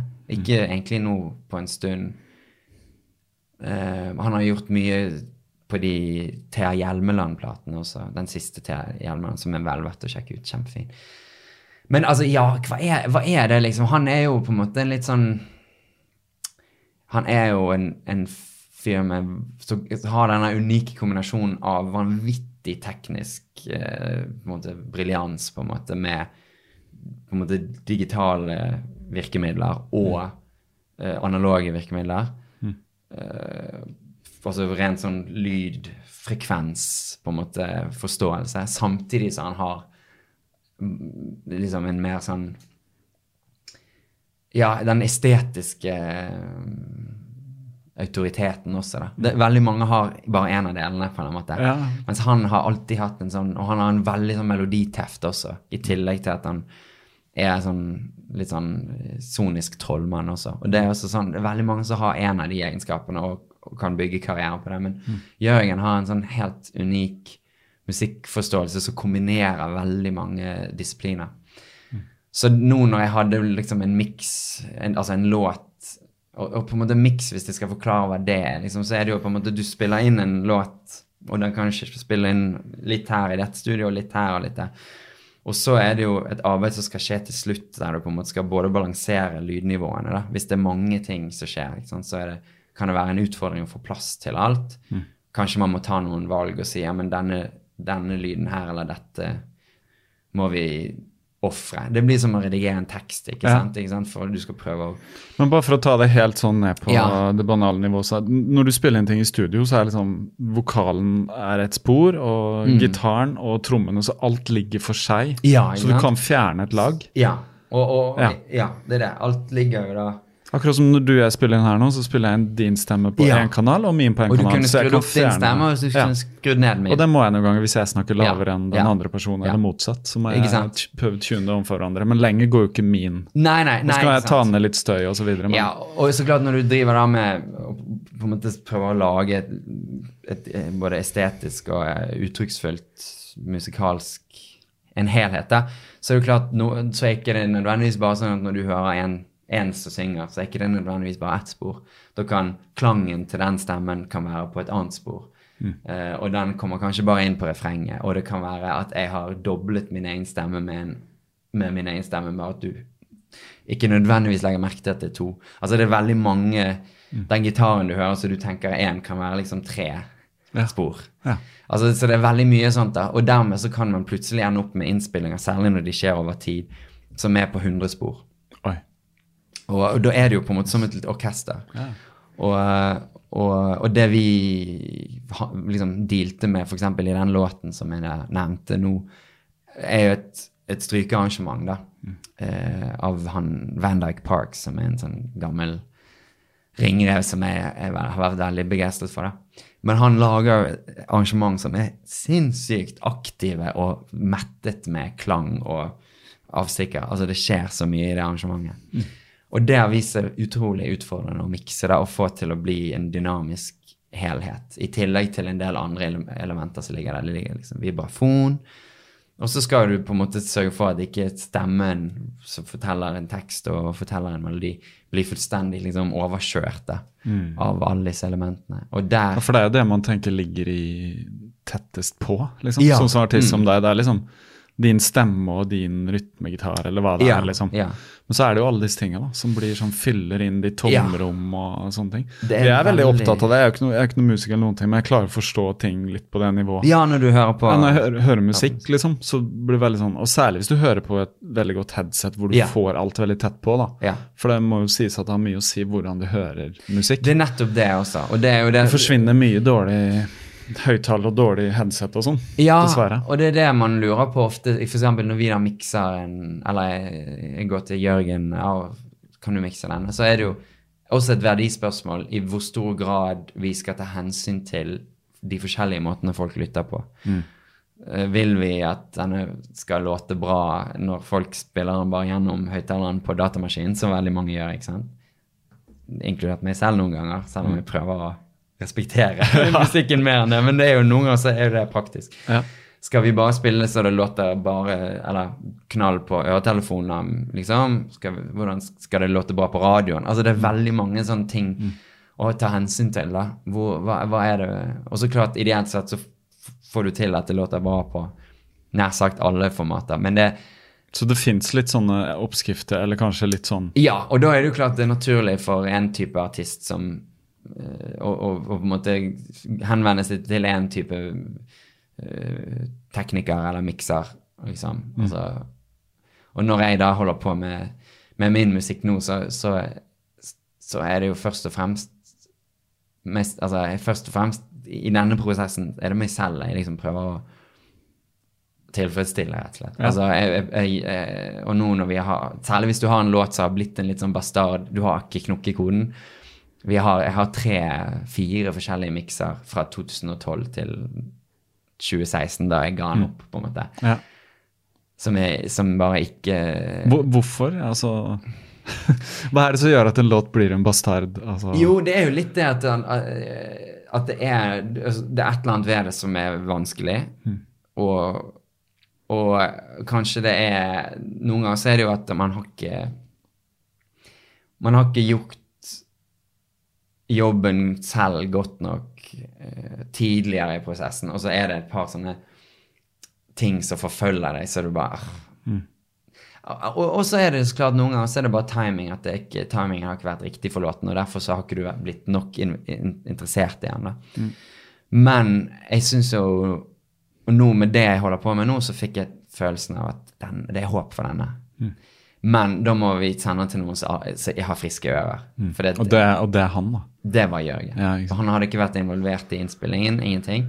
Og nå hadde jeg jobbet med han med, med Mathias. Hadde, og først og fremst er det jeg som er blitt sveiseblind. Mm. Og jeg vet ikke om liksom, bare, Så da er det luksus. Da, å, å, si hei til Jørgen og si du kan Jeg har en låt her, kan du se om kan altså, Ja. Og da er det jo litt Så sender hans- du han hele den fila, da, med all, Alt alle disse Hele greia. Ja. Og da er også ting sikkert som vi kanskje har lagt bort eller mutet, liksom. Mm. Jeg tenker da det, kan, vil, vil jeg han skal ha alt, og da hører han på alt, liksom. For det, da er det jo hans, litt hans tolkning jeg vil ha. Ja, ja. Eh, og han kjenner jo meg godt, vi har jo jobbet sammen over lengre tid, så Mm. jeg gir han kanskje et par stikkord, kanskje en referanse, liksom. Mm. Altså her tenk, dette territoriet, liksom. Men utover det så er det jo, er det jo liksom sier jeg, men, Og det sier jeg jo til han da også. Nå vil jeg at du skal på en måte ta valg og ta plass, på en måte. Og så tre måneder senere så hører jeg fra han. Og jeg fikk en mail fra han på tirsdag. Da får jeg bare liksom Og da står det bare sånn Ja, denne var vrien. det er mye jeg kunne sagt, men det er kanskje best at du bare lytter litt først, så kan vi snakke etterpå. Har han gjort noe da? Altså, han har Ja, da, Ja, da han- sender han meg sitt første forslag til miks. Ja, ja. Og det er jo som, for meg er jo det julaften Ja, og det det bursdag og bryllup på én gang. Ja. Um, Så hva gjør du da når du skal lytte på den? Altså, er det litt Det blir nesten sånn ja, sakralt. det blir litt det blir litt sakralt. Skru av telefonen, alle ut av rommet. Ja, det er litt sånn. Tenn stearinlyset, få meg en kopp urtete. jeg fikk den mens jeg var ute, og da okay. gikk jeg inn på do og så begynte jeg å spille den fra telefonen. Og så tenkte jeg nei, dette er helt feil, så bare stoppet jeg. Og så, og så tok jeg Ja, for du blir så utrolig Ja, jeg blir sånn. Og særlig når det er liksom Da har ikke jeg selv hørt på den på mange år, fordi jeg bare vil komme til den så friskt som mulig. Mm. Og det er kanskje den første gangen Jeg tror det er første gang i min karriere at noen har mikset en sang for meg, og jeg ikke har noe Jeg har ikke, jeg, jeg har ikke noe å utsette. Jeg har ikke noe Vanligvis er det jo, går man noen runder. Jeg, var- ja, kult, vi er på riktig spor, men kan Ja. Jeg trenger litt mer av det. Jeg syns vokalen forsvinner litt her. Jeg synes Det hadde vært kult om det skjedde et eller annet litt dramatisk der, for jeg syns gitarspill Det var et eller annet der jeg syns er litt dølt. Kan du Altså, det er litt sånn Kan du riste litt i den? Kan du dempe den? Og her var det bare sånn jeg, altså, Neste dag så tok jeg en løpetur, og hørte jeg på låten sikkert 15 ganger. Ja. For å bare være sikker, og så skrev jeg bare til Jørgen det, det, er, det er ingenting Jeg har ingenting å utsette. Jeg har bare takknemlighet i hjertet for at du har, Wow. du har reddet, uh, reddet låten, og nå har jeg løpt løpt i sirkel rundt uh, Hva var det da jeg traff deg faktisk eh, på gata på tirsdag? Ja, det var- Eller onsdag, eller noe sånt? Det var på onsdag, det må ha vært på onsdag. Nei, det var på tirsdag. Det var på onsdag, tirsdag, jeg traff deg. Jeg husker det, for jeg skulle ut og ta noen bilder. Ja, det var det. Ja. Ja, Det var, da jo, du- kanskje på torsdag var det jeg løp med den. Ok, ja, Så Ja. du hadde ikke løpt da? Ja. Nei, men uansett. Så det var Det skjedde nå, i hvert fall. Det skjedde denne uken, og det, og det er en så god følelse, da. For det eh, Det er jo Jeg jobber jo da veldig sånn gradvis med noen låter her og noen låter der, og noen blir ferdig nesten Uken før så hadde jeg skrevet en låt midt om natten, og så neste dag spilte vi den inn i studio, og Mm. så er du nesten i mål, liksom. Så plutselig har du prosesser som går kjempefort, liksom. Ja. For når du er i Bergen og, og spiller inn, da går det ganske fort. Da, da, da er du igjen på et punkt hvor du ferdiggjør ting. Altså du vet Ja. at dette blir noe, liksom. Ja, det er Eller litt- for, du forkaster kanskje noen Det spor. litt, ja, da, det er jo litt sånn søking og sånn, men da er jeg jo også i en sånn Iallfall når, særlig når jeg jobber med han Cato Odland. Altså, da holder vi gjerne på å gjøre ferdig ting vi har påbegynt, og så begynner vi alltid noe nytt også. Og da begynte vi to nye låter, en som egentlig bare er vokal og gitar, og som jeg tror skal være åpning på neste plate. Um, som også da gikk veldig fort. Litt fordi at den har jeg fått spilt så mye live i, på Largo, f.eks. i LA. da. Ja. Det å få øving på å spille ting for publikum. Da, da er det lett å gjøre det i studio. Og så hadde vi god tid, så da bare Ja, men jeg lagde noe i natt. Som Kan vi sjekke om det er noe? Ja, så sjekker man. Og, så og da er det gøy å bare slenge ting litt sånn ut, uten at det blir for andektig eller for Altså holde på litt det der momentet, det liker jeg. Det syns jeg er viktig i studio. Å holde på det der momentet at ikke du begynner å for raskt å, å, å komplisere eller zoome inn. At du bare At kjernen i noe har en litt sånn letthet ved seg, sånn at så kommer det alltid en tid der du begynner å zoome inn på hver eneste lille det- detalj, og sånn, men at du kan fange noe som har en litt sånn u, Jeg vet ikke, u, Særlig iallfall hvis det er noe du nettopp har laget, at, at du dyrker den der litt sånn ubevisste For det, det er nok av sanger som jeg sitter og skriver veldig sånn nøye på i månedsvis og årevis nesten, før du begynner å spille inn. Så det er gøy noen ganger å bare skrive noe over natten, en enkel melodi, en, en tekst som er litt sånn Jeg har et eller annet litt sånn spontant, og ikke nødvendigvis noe sånn perfekt ved seg, men For det, det leder meg litt inn på Altså dette spørsmålet som er litt banalt, men så jeg tenker på, da, som er sånn sånn, litt mer inn på det filosofiske. Ja. hvor, hvordan lager man en låt? Altså Hvor kommer liksom en låt fra, da? Du som skriver musikk. Altså Alle kan jo se for seg hvordan det er liksom å skrive en tekst, for det, Mm. det skriver du, og det er liksom det du gjør, det er tankene. da. Mm. Men med musikk så er det liksom, som, det er liksom flere dimensjoner. da. Og så er det det med melodien. mm. Hvor, hvor, hvor, hvor kommer en melodi fra? Eller når du, når du begynner å skrive på noe, er det som om du sitter med gitaren, eller kommer den i hodet, eller er det liksom hender det kommer i hodet, og så synger jeg det inn på telefonen. Men Ja. jeg, lik, jeg sitter oftest ja, med gitaren, og da er jo gitaren Akkordene på gitaren på en måte er jo det som gir en ramme, så melodien kan på en måte feste seg på, eller mm. Jeg er jo, jeg er jo, jeg er jo veldig sånn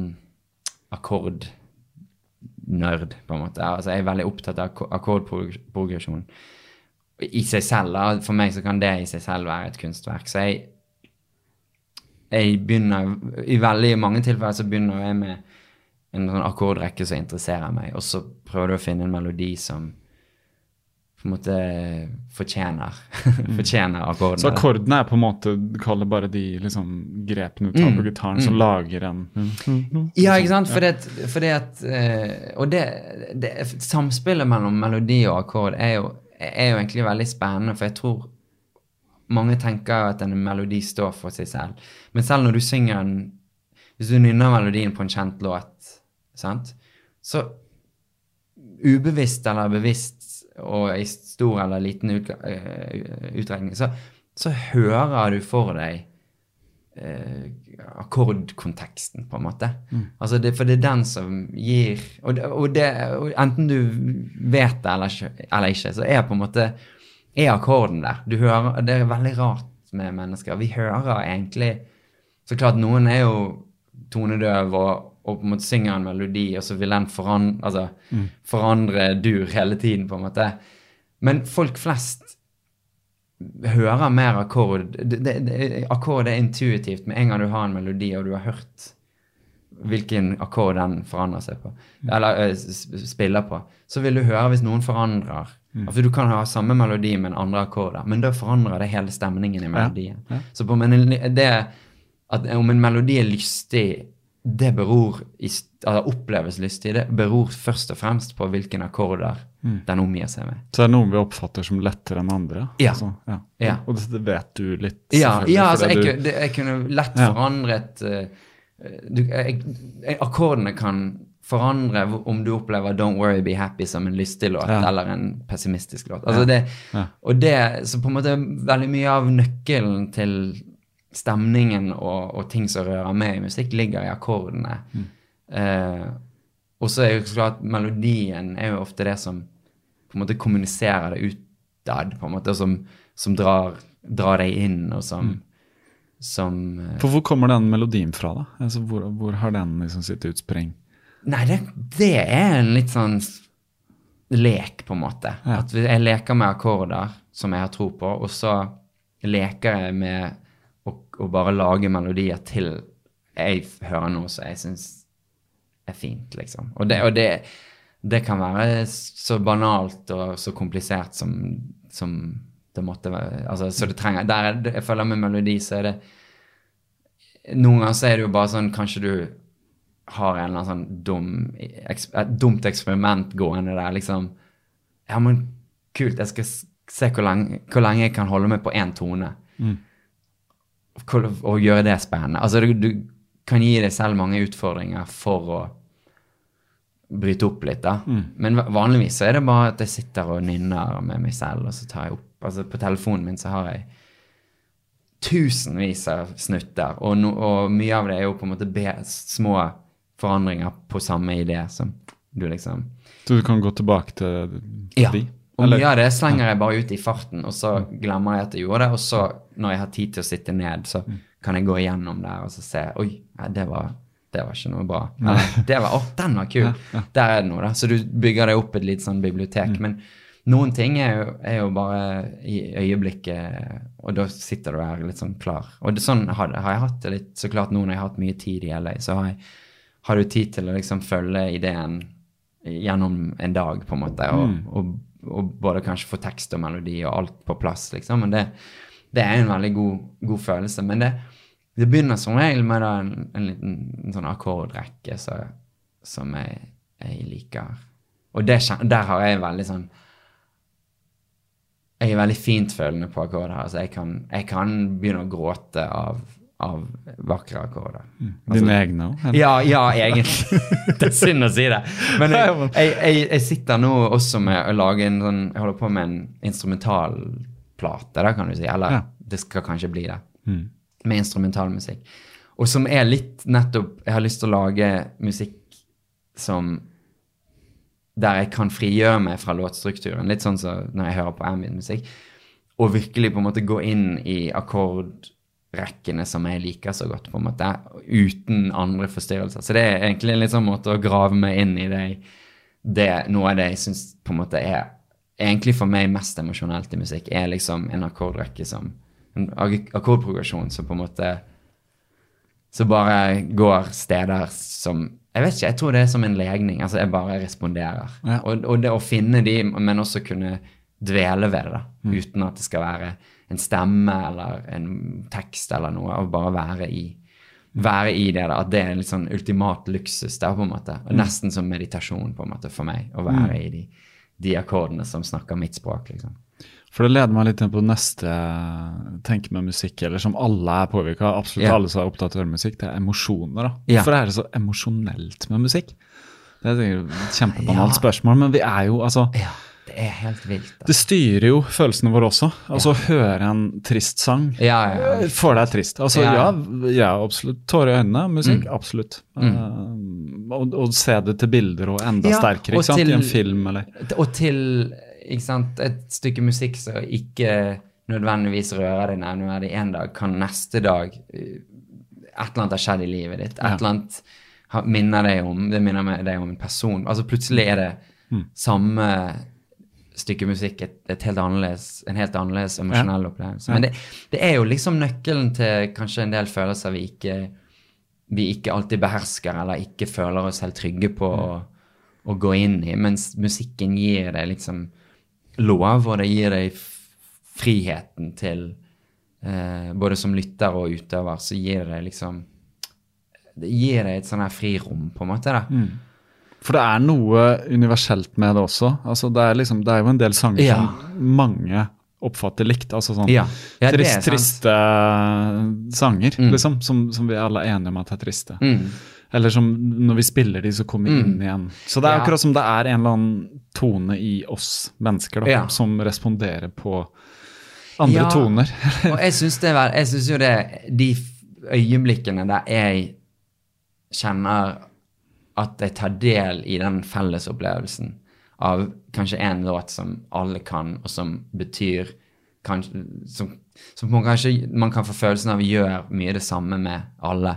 Altså De øyeblikkene når man tar del i den kollektive opplevelsen der, syns jeg er veldig verdifulle og veldig sterke. Og at man føler seg påkoblet de samme følelsene. da. Litt fordi at det, det eh, Oftest så, så føler jeg meg kanskje påkoblet en egen opplevelse, liksom, som jeg aksepterer at ikke alle deler, men, men når det er liksom Ja, når det er liksom sanger som som, som, eh, som rører, liksom, når du hører altså, Som bare er en del av en sånn fellesopplevelse, så, det, så er det ja, så er det veldig veldig sterkt. Ja. Det, og det er Og det, det det refererer til, er hvis du spiller en konsert og du har en låt som du vet er ganske sånn, litt sånn emosjonelt sterk for deg, så kobler du på responsen? Ja, eller du- men det kan også ja. være altså, Det trenger ikke være en av mine, på en måte, men Nei. bare eh, kjente sanger så du på en måte ser at herregud, dette Men absolutt klart, når du står i det selv, og det er din egen opplevelse du synger om, og du merker at det er sterkt for andre, eller det, Mm. det er et eller annet sånn avvæpnende som på en måte bryter ned litt mm. emosjonelle barrierer, så er jo det så klart Det er jo, er jo det beste som kan skje en artist, på en måte, Ja. å oppleve det. Det, det, det, det, det potensialet i musikk er jo, er jo noe av det som, som, som gjør det helt sånn Ja, som gjør det veldig privilegert å kunne holde på med det, da. Eh, Men så, samtidig så tenker jeg at det er um ja, Det er vel som alt, alt vi lager som er kreativt og kunstnerisk. Ja. Det er liksom ikke bare gitt at du kan forfølge noen oppskrift og skrive en trist låt, og så er den liksom Altså Vi ser jo også, Veldig mye musikk er jo også kalkulert, skrevet for å treffe en, en gruppe mennesker for å selge, Mm. eller for å bli stor, for å tjene penger. og Det ser vi, liksom. ikke sant? ja. Mens andre kan sitte på gutterommet og holde på med ting, og så er de nå via kanaler, da. Fordi vi har liksom internett, så kan de bli som verdensstjerner. da. Å være en sånn Så Ja. det, det er på en måte et eller annet genuint der som sprenger ut fra noe som på en måte ikke kan det er, altså jeg tenker det er ikke en formel, da. Eller det finnes noen formler, men det er ikke gitt at de formlene funker. Nei, nei absolutt Og man kan liksom ikke, jeg tenker du som musiker, du kan ikke bare tenke at nå skal jeg lage en plate, så da er det liksom denne Nei. formelen, denne oppskriften. Det har funket før. Liksom. Ja, Og det er jo mange artister som har gjort det sånn. Mm. Og så første gang de gjorde det Det er kanskje mer sånn før, da, når det var viktig å bygge Du skulle selges plater, så måtte du bygge store band og sånn. Mm. Så ga de ut en plate, og så skulle du lage nummer to, og så er det sånn Ja, vi gjør det samme igjen. Ja. Og, så, og så har det floppa, Mm. kanskje. ikke sant? Ja, altså, og, og de der tingene er jo Er jo veldig sånn uhåndgripelig på en eller annen måte. For det, du ser jo at det fins jo Altså, det fins jo veldig mange folk Eller det fins enkelte som greier å utvikle sine egne formler, og som de nok sikkert Altså, en del sånn hitmakere som som som får til å forandre det akkurat nok, og likevel har en et format som de på en måte behersker godt nok, og som virkelig sånn spekulerer på det som, som en liksom en, en, en vitenskapsmann i et laboratorie, liksom. Altså, at det er en litt sånn. Og det er jo har jeg veldig Jeg har veldig respekt for det faget, fordi at det, det er så fascinerende for meg hvordan man kan Hvordan noen tør å, å, å, å, ang- å på en måte lage musikk på den måten, fordi at da er um, terskelen er liksom Da lager man musikk for å treffe Altså at det skal ha en veldig sånn konkret kommersiell funksjon. Og hvis det ikke har det, så har du på en måte faller jo helt i grus, på en måte. Så på en måte, jeg, jeg syns det er veldig spennende med sånne, sånn Max Martin og mange av de svenskene som Men særlig han, fordi at han har greid å ha, ha hits liksom nummer én-hits i, i langt over 20 år. Jeg, jeg tror han hvert år i 20 år. Så det er noe han kan, som han følger. Ja. Men allikevel så kommer det antagelig Altså, det Ja, altså- kan ikke bare være kynisk uh, Nei, og det er nettopp det. det. Og det, det, det, det er nettopp det. For det, der, et, det er jo en eller annen han, Trendene har jo også forandret seg på de 20 årene, og særlig ikke minst i det kommersielle, altså kommersielle popfeltet. Og det ligger nok Det ligger jo en helt sånn nåd, skamløshet og nådeløshet, men også tror jeg en veldig stor kjærlighet i, i bunnen. Og så kommer det jo en det andre folk på en måte tenker at å, er det sånn de gjør det? Altså, Og der ser, jeg føler jeg du ser vel oftere enn en ikke, så er det liksom eksempler på det at jeg tror for lettvekt, liksom, litt mer sånn lettvektere i det kommersielle popfaget tar altfor lett på hva som egentlig skal til. Og, og, og et, en ting som jeg alltid syns er liksom litt sånn Litt sånn typisk eh, Altså helt litt sånn håpløst prosjekt. For noen år siden så var det sånn Jeg tror det var før David Bowie døde, så var det en eller annen som hadde skrevet doktorgrad om, om musikken. liksom. Hva, hva er det egentlig som skjer i musikken til, til Bowie. til Bowie. Liksom. Hva er det som virker? Og, og så hadde han laget en slags sånn Hva var det? Han hadde laget jeg tror en slags software nesten som, som på en måte bruk, hadde alle liksom de musikalske, tekstlige og måte produksjonsmessige eller estetiske virkemidlene i en sånn en generator, som da kunne lage Bowie-låter. lage Bowie-låter. Wow. Og det er jo Det er jo på en måte Det blir jo en morsom, men helt poengløs idé. Fordi at, fordi at eh, På den tiden levde Bowie fremdeles også, så liksom ja, jeg er fremdeles mer interessert i å høre hva hans neste plate er, og ikke liksom, Det erstatter jo ikke den. Men og jeg skjønner at det er sikkert sånn som folk gjør med litt sånn glimt i øyet. Men så skulle de demonstrere den, og så fikk du høre da Bowie-låten som den lagde. Og det var jo, det var jo helt Det var jo bare drit. Og det hadde jo ingenting jeg hører, jeg, jeg, Du kunne høre en del av de liksom markørene som Å ja, jeg, skjønner hva det spiller på, alt sånt. Men det er jo ikke musikk. Det er jo bare Det var, det var jo bare drit. Og det har ingenting egentlig med essensen av en kunstner som Bowie å gjøre. Det fanger ingenting. Det er var, ble en helt sånn middelmådig låt som, som aldri altså Det er ikke på langt nær godt nok til at det hadde vært en B-side på Bowie-singel. Liksom. Altså, så det du står igjen med, er jo bare Ja, men der fikk vi bekreftet at det er noe annet som skjer. Eh, og særlig så klart med veldig sånn karaktersterke artister, egenrådige artister. Mm. Det er noe annet som skjer enn bare liksom summen av av én pluss én pluss én, liksom, Ja, ja. og disse elementene. Og, og, og det er flere dimensjoner som vi ikke klarer å det er det. Det er mange dimensjoner som bare uteblir.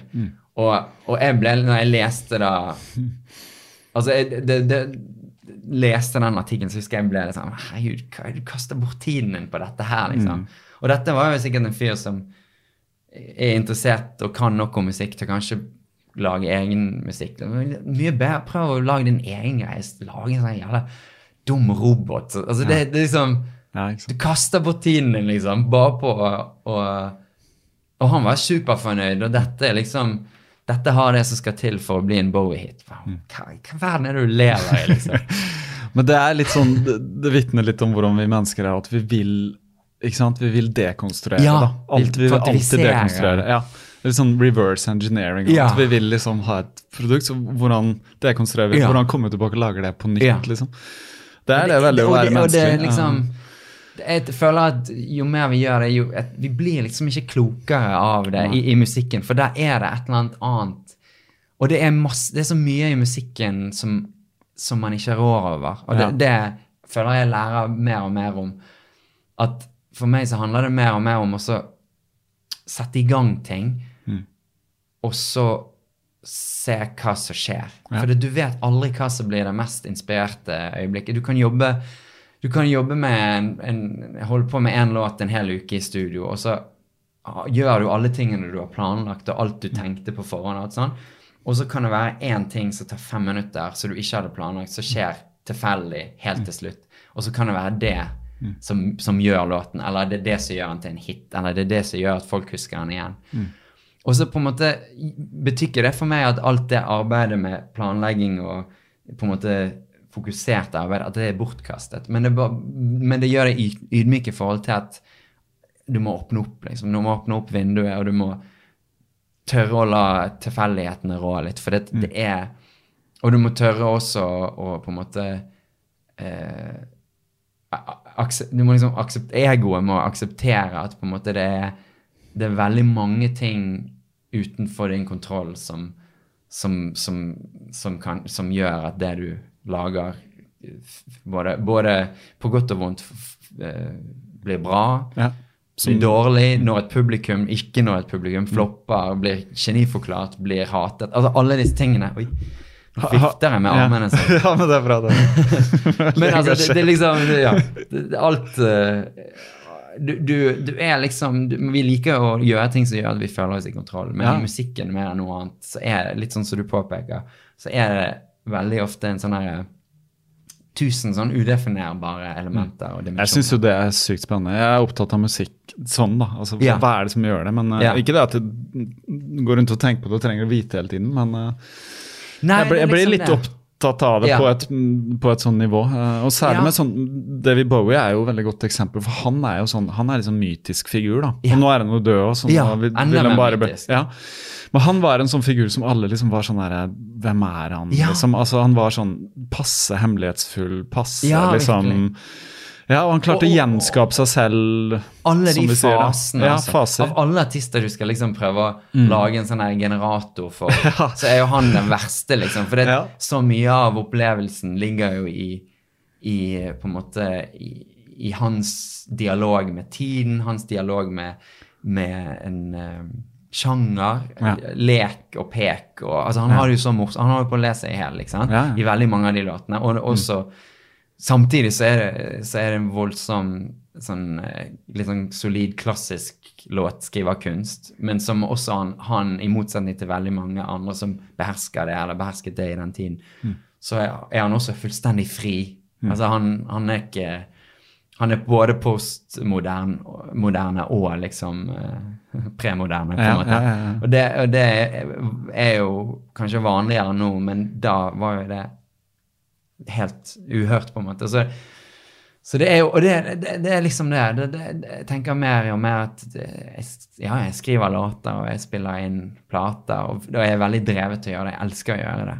Men Men mest av alt så eh, setter jeg i gang ting, liksom. Mm. Set- Setter jeg i Ja, gang det ting. er, så- det er det jeg tenker som er skrevet her. influencer og samarbeid med andre. Mm. Um, så jeg vet jo at du har et band som du spiller med og spiller inn med. Mm. Og det, folk, det har tatt litt tid, ikke sant? Men så har du funnet liksom, de der tre andre som liksom Mm.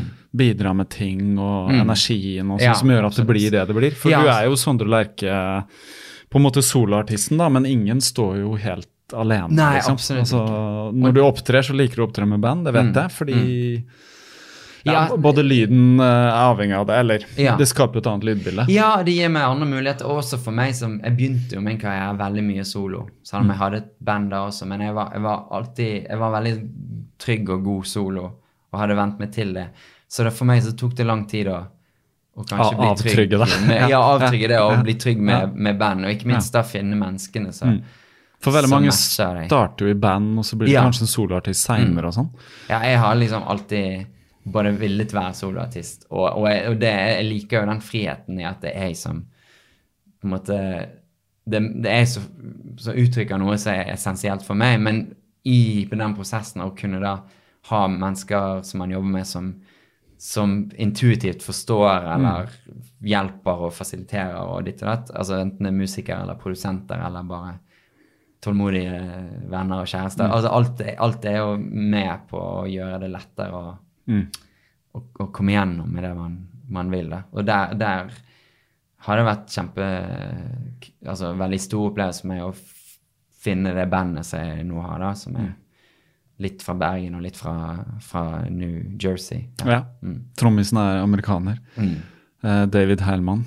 Kalles Dave. Han er jo på en måte Eller sol- Han er jo soloartist på sin egen han, måte. er, han er jo det. Han er jo Han er jo sin person da. Eh, han var og spilte inn med deg nå i Ikke Han har vært en tur innom ja, Bergen. Jo, han så- var i Bergen for noen uker Ja. siden. Men vet, Ja. spilte, vi pleier jo alltid å ha en session der. Men jeg hadde Og dette har jeg ikke sagt til Dave, men jeg hadde For jeg spilte inn med han Jeg hadde han i januar, Mm. og da spilte vi inn trommer på tre låter. Prøve å være litt effektiv.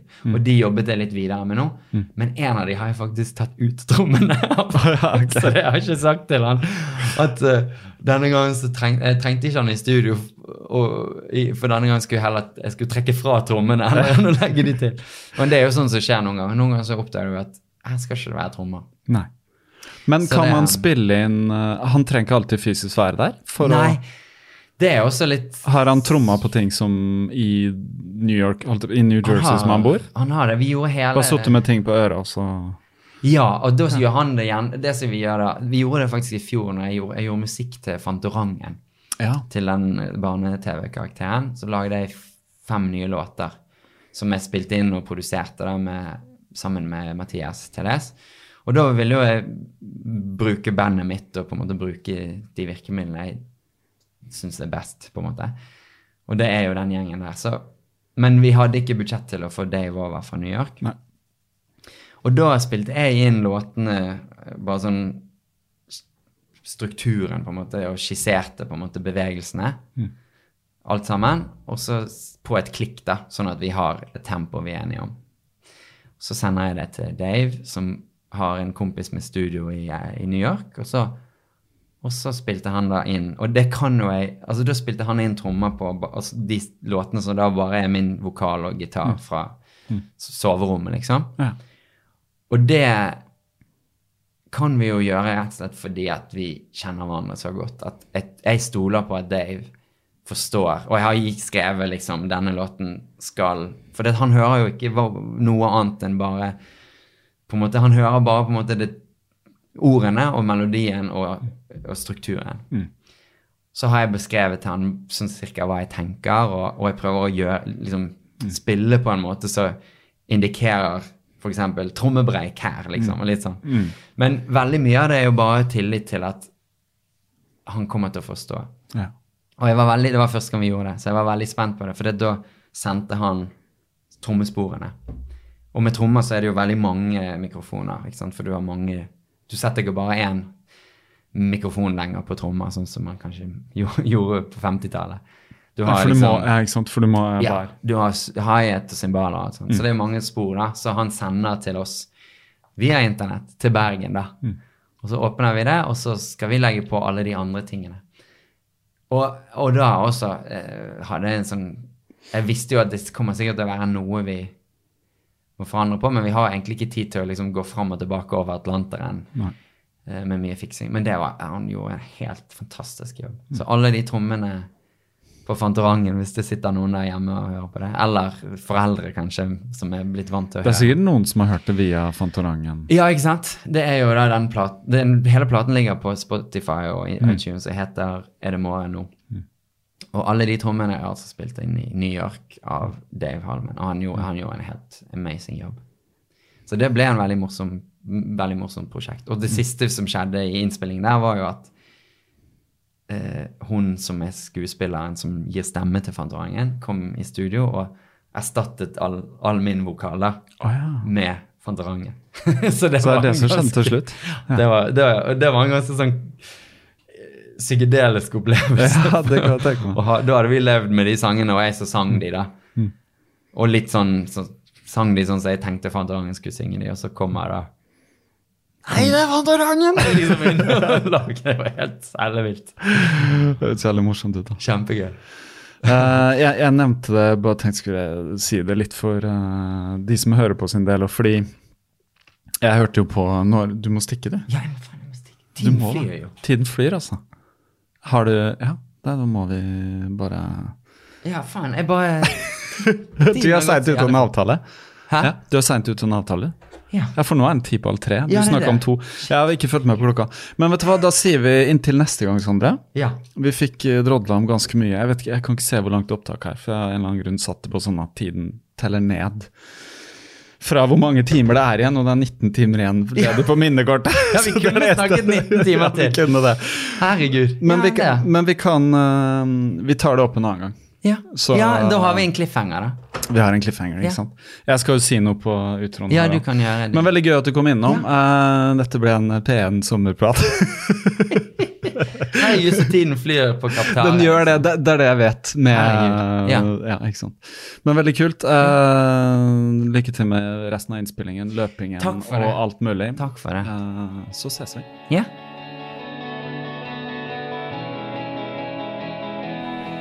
Det var uh, Sondre. Uh, full fart ut døren uh, ble det på han. Håper du nådde avtalen din, Sondre, og så får du bare skylde på meg. Det gjorde du nok. Um, et par ting. Jeg uh, har lest en utrolig morsom bok om løping som uh, jeg må bare tipse om. Rett og slett fordi jeg tror at uh, veldig mange kommer til å synes den er ganske eh, interessant, spennende og morsom og underholdende og utdypende og klargjørende å lese. Det er en fyr som heter Finn Adarannan. Adarannan Finn heter han. Eh, spesielt navn, men han er en brite som har skrevet eh, tre bøker om løping. Han er en Guardian-journalist. Den siste boka han heter, heter eh, har skrevet, heter eh, The Rise of the Ultra Runners, um, som handler om ultraløping. Som er blitt relativt stort, vil jeg si. Um, sikkert masse meninger om hvor stort det er, om hvor stort det bør være, og hva det er og sånn. Um, det skal ikke jeg si noe om, men jeg eh, likte veldig godt å lese den boka, fordi den eh, er rett og slett en researchbok. Altså, han gjør research, han går inn i det hele. Han løper ultraløp, han reiser til USA, han snakker med ultraløpere, han reiser til Um, alle de små og store løpa som er, og han beskriver hvordan det er. Um, himmel og helvete, selvfølgelig. Eh, han har også skrevet eh, to andre bøker som er sikkert eh, kjent for en del, i hvert fall. 'Running with the Kenyans', når han dro til Eton i Kenya og bodde der og lærte seg å løpe som kenyanere. Og han dro også til Japan og løp sammen med japanere, som har en helt spesiell løpekultur. De bøkene har jeg også lest. De finnes på biblioteket. Hvis du har lånekort, så kan du bare bestille den på biblioteket, de bøkene. Jeg sendte en e-post til biblioteket nå, tipsa de om å kjøpe inn den siste, og det sa de at de skulle gjøre. Den kommer om et par uker. Hvis ikke så er det jo alltid eh, Amazon eller eh, bokhandler eh, generelt. De har den. Veldig god bok. Eh, en annen ting det er verdt å tipse om. Vi lager jo podkast her, og eh, vi, sier jeg. Det er meg som lager podkast. Lange podkaster, lange episoder. Jeg syns det er morsomt, men jeg vil bare slå et slag for den korte podkastepisoden. Sid Garza Hillman, som lager What Sid Thinks. Episode nummer 48 hørte jeg på uh, bare i sted, mens jeg holdt på litt her. Kunsten å si mye på kort tid. Under 20 minutter lang podkast allikevel. Det er så mye som kommer fram. Uh, han er ganske bevisst mann, og ja Det han snakker en del om, er sosiale medier og sånne ting. Um, det er ganske mange som snakker om det for tiden. Jeg tror vi står ved et veiskille nå hva gjelder sosiale medier, hva folk um, kommer til å bruke det til etter hvert. Jeg ser at uh, mange kutter ut. Facebook, f.eks. Min kone kutta Facebooken sin. Det var ganske sjokk for meg, for hun uh, brukte Facebook på en måte litt profesjonelt som kunstner. Har liksom altså, 1000 uh, personer kobla til. Hun kutta det. Jeg har ikke brukt det mange år. Jeg har uh, hatt en login bare for å følge med på litt sånne ting her og der. F.eks. Uh, borettslaget vi bor i. Skriver hva som skjer, om det er noe osv. Uh, men nå bestemte jeg meg for å deaktivere hele min konto også. Det er ikke noe grunn til å ha det, for min del. Jeg tror uh, det stjeler for mye tid, rett og slett. Det man får tilbake, er uh, forsvinnende lite etter hvert. Og alltid skulle skrive veldig korte ting Det er litt sånn motsatt vei av hva vi egentlig vil. Uh, vi vil jo ha lange podkaster, vi vil lese bøker, vi vil gå i dybden på ting, og Facebook er ikke det, altså. Jeg tror ikke det. Um, men selvfølgelig, det er masse meninger om det. Uh, det samme gjorde jeg med hele Hva heter det uh, LinkedIn-profilen min. Jeg bare fant Jeg leste en artikkel på NRK om en journalist som kutta den ut, så jeg bare kutta ut den nå. Men et eller annet sted må man være. på Instagram er jeg. Nå har jeg også Patron. Jeg har lyst til å legge ut litt ting der. heller ha ting på litt færre steder. utenom det jeg sa navnet på han Mikeller-fyren feil, selvfølgelig. Han heter Mikkeller Mikkel Borg Bjergsø. Så jeg rota litt med navnet, men det er ikke så viktig. Så legger jeg et par linker til uh, det Sondre snakka om, Pitchfork-websiden, The Quietus-websiden. Uh, hvis noen vil gå inn der og lese musikk, Pitchfork er jo veldig bra. Utenom det, det er ikke så mye mer å si. Um, det kan godt være at uh, det kommer en episode igjen om et par uker. Uh, ingenting planlagt. Vi får se. Jeg har uh, masse småting å drive med, og jobber jo egentlig med dette konstant. Så um, det skjer ting, selv om ikke dere hører om det. Ha en fortreffelig aften. løp godt, sov godt. Drikk godt, spis godt, lev godt.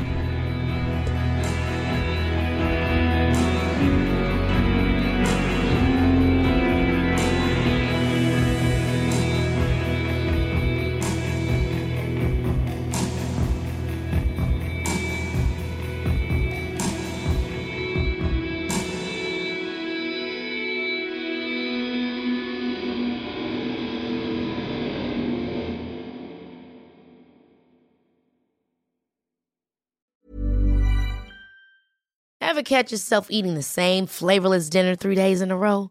Dreaming of something better? Well, HelloFresh is your guilt-free dream come true, baby. It's me, Kiki Palmer.